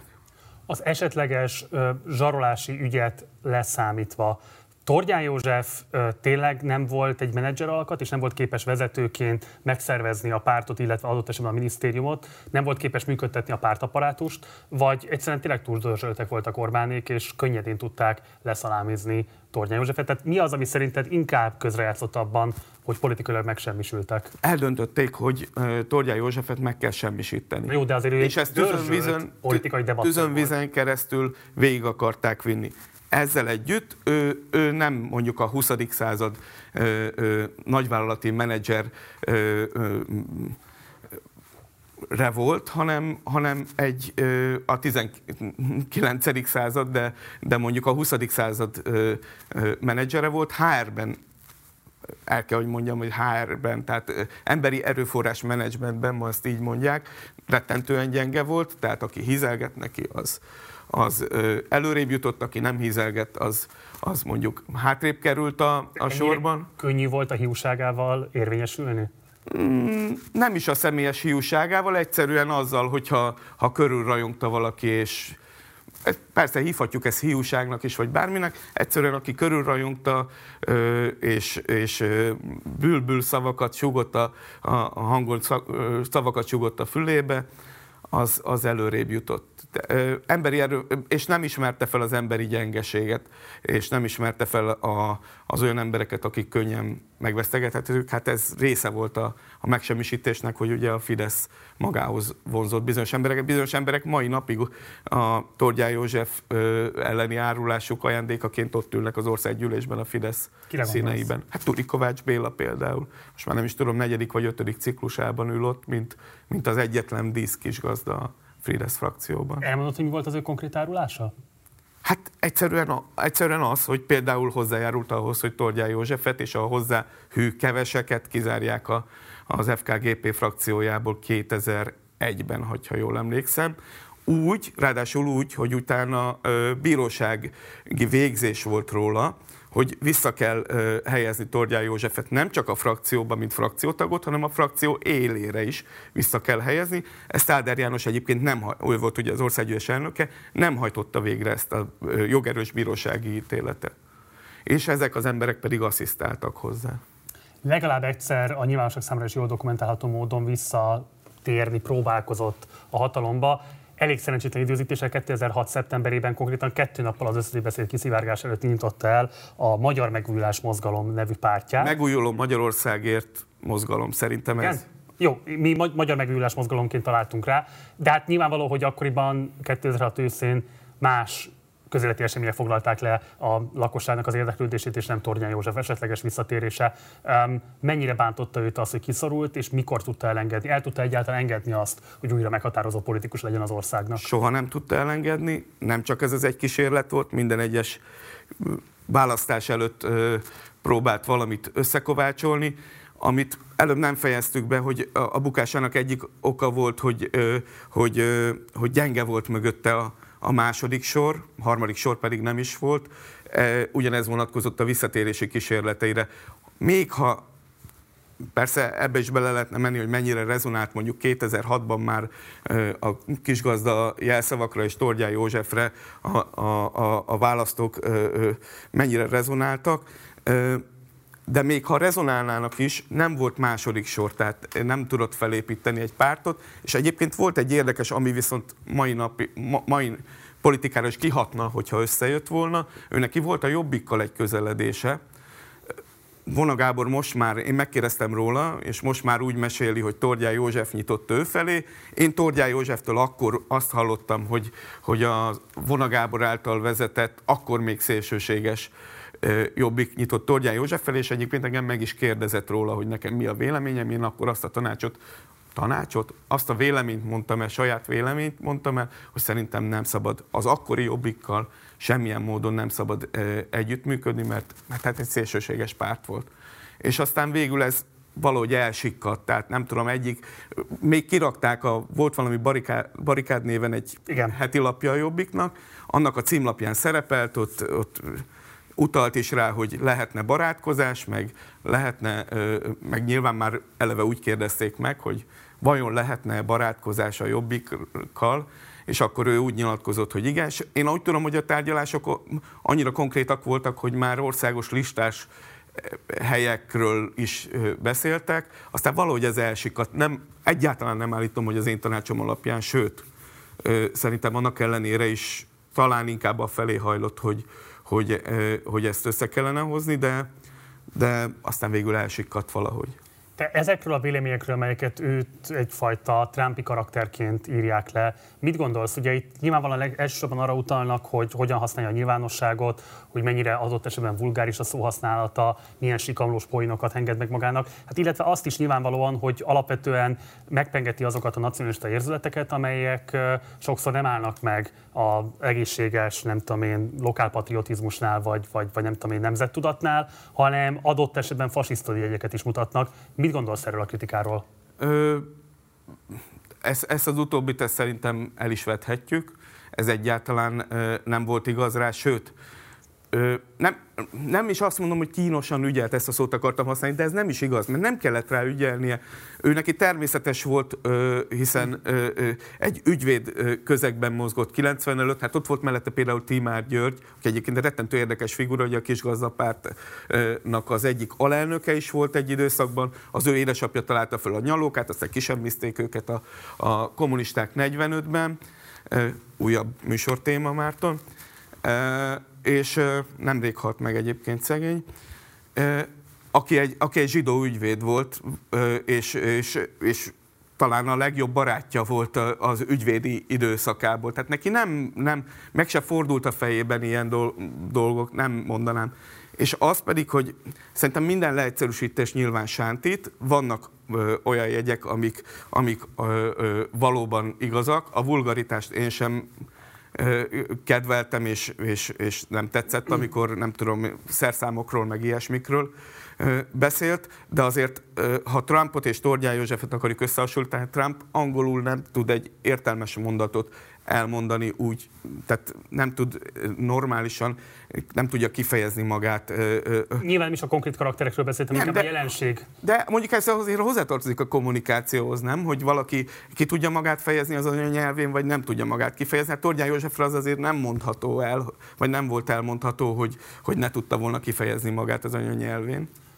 Magyar agráriumot tekintve, és egyébként itt mondanám, hogy egy múlt héten publikált Partizán infokban, hogyha valaki esetleg nem látta volna még, akkor mindenképpen ajánlom, hogy nézze meg. Egészen kiváló összefoglalja annak, hogy az elmúlt 15 évben mi történt a magyar földtulajdonlás tekintetében. Szóval, hogy a magyar agráriumot is, ha megnézzük, akkor azt lehet látni 2022-ben, hogy sokkal koncentráltabb földviszonyok vannak, mint volt a hortikorszakban. Igazából a rendszerváltás egyik nagyon nagy mulasztása az, hogy nem sikerült megerősíteni a kis és középbirtokokat, illetve ami létrejött, az valójában annyira elaprózódott birtokszerkezetet tett lehetővé egyrésztről, ami nem tette lehetővé versenyképes gazdálkodás alakuljon ki. Aztán pedig a Piszkos 12 keretében, meg ugye a nagy állami földeket a különböző oligarcháknak kiértékesítették, és a mai napig is ez a földkoncentráció is jellemzi a magyar agráriumot. Tehát azt lehet látni, hogy igazán nagy kuritása nem tudott lenni uh, Tordján Józsefnek. Éppen ezért adja magát a kérdés, hogy szerinted van-e neki bármilyen releváns politikai öröksége? Ö, én szerintem annyi van, hogy a, a 90, tehát amíg ő volt ö, döntési pozícióban, akár opozícióban, de azzal a súlyjal, amit képviselt a politikában, az addig ezek a kis kis tulajdonosok, kisgazdák megkapták azt a, azt a támogatást, ami, amire szükségük volt, és azt a nem csak anyagiakban gondolom, hanem politikai hátországban gondolom. Amikor ő nem volt, én nem mondom azt sem, hogy, hogy ez aztán annyi, tehát hogy konkrét összefüggés van, és azért nyírták ki, mert hogy össze akartak rakni ilyen nagybirtok szerkezetet dél-amerikai mintára, de ugye ő mindig ostorozta ezt a bizonyos dél-amerikai mintát onnantól kezdve, meg, meg aztán persze a politikai helyzet, meg a gazdasági helyzet is alakult, tehát rettentő sok összetevője van. De az azért elmondható, hogy amíg ő pozícióban volt, vagy opozícióban volt, addig ezek a kis gazdaságok megkapták azt, hogy életben tudjanak maradni. Aztán utána, hogy tehát ezernyi ok alakította azt a helyzetet, ahova most eljutottunk. Tehát én nem mondom, hogy ha most lenne, ha Tordján József lenne a mezőgazdasági miniszter, akkor jelentősen más lenne a, a, a szituáció, de az biztos, hogy egészen odáig azért a, a kisgazdálkodók megkapták a lehetőséget.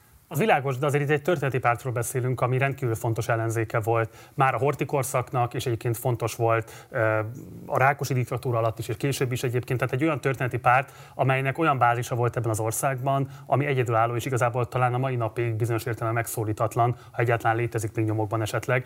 Tehát ugye az a kérdésem, hogy ilyen értelemben azért Tornyán József eljátszotta azt a történeti esélyt, hogy a rendszerváltás után ezeknek a gazdálkodóknak legyen érdemi politikai képviseletük, és hogy ezen keresztül valamilyen módon sokkal erőteljesebben az önellátáson, önrendelkezésre berendezkedő agráriumot lehessen kialakítani az országban. Ilyen értelemben látod-e neki vagy, a felelősséget? Vagy, vagy fenntartotta a, a, ezeknek az esélyét 90-től 2002-ig, amíg, amíg, amíg nyerekben volt, vagy, vagy pozíció, politikai helyzetben volt. Ez, ez meg az én nézőpontom hogy addig fennmaradt ez a lehetőség. Lehet, hogy ha nem jön egy kisgazdapárt, vagy nem jön az ő vezetésével egy ilyen erős kisgazdapárt, akkor lehet, hogy már 90-es évek elején kialakult volna az a birtokszerkezet, ami, ami jelenleg van. Gulyás Balázs, ez egy kiváló végszó volt. Köszönöm szépen, hogy elfogadtad a meghívásunkat, Én és köszönöm, hogy ezt elmondtad a nézőinknek. Én köszönöm a figyelmet.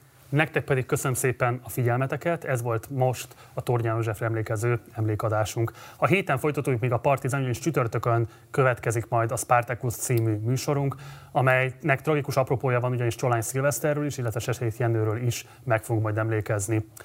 Pénteken érkezik a péntekesti partizán, mostani vendégem Bucsi Zoltán lesz, fellép majd Holi is egyébként a műsor keretein belül. Szombaton a két hete indult új műsorunk, a telepjáró következő adása következik majd, vasárnap pedig Partizán 60-nal fogjuk zárni majd a hetet, ebben vendégem Donát Anna lesz.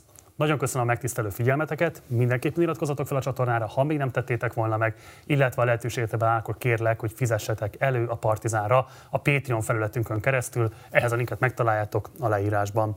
Munkatársaim nevében köszönöm szépen a megtisztelő figyelmeteket, én Gulyás Márta voltam Budapestről, jó éjszakát kívánok, ciao.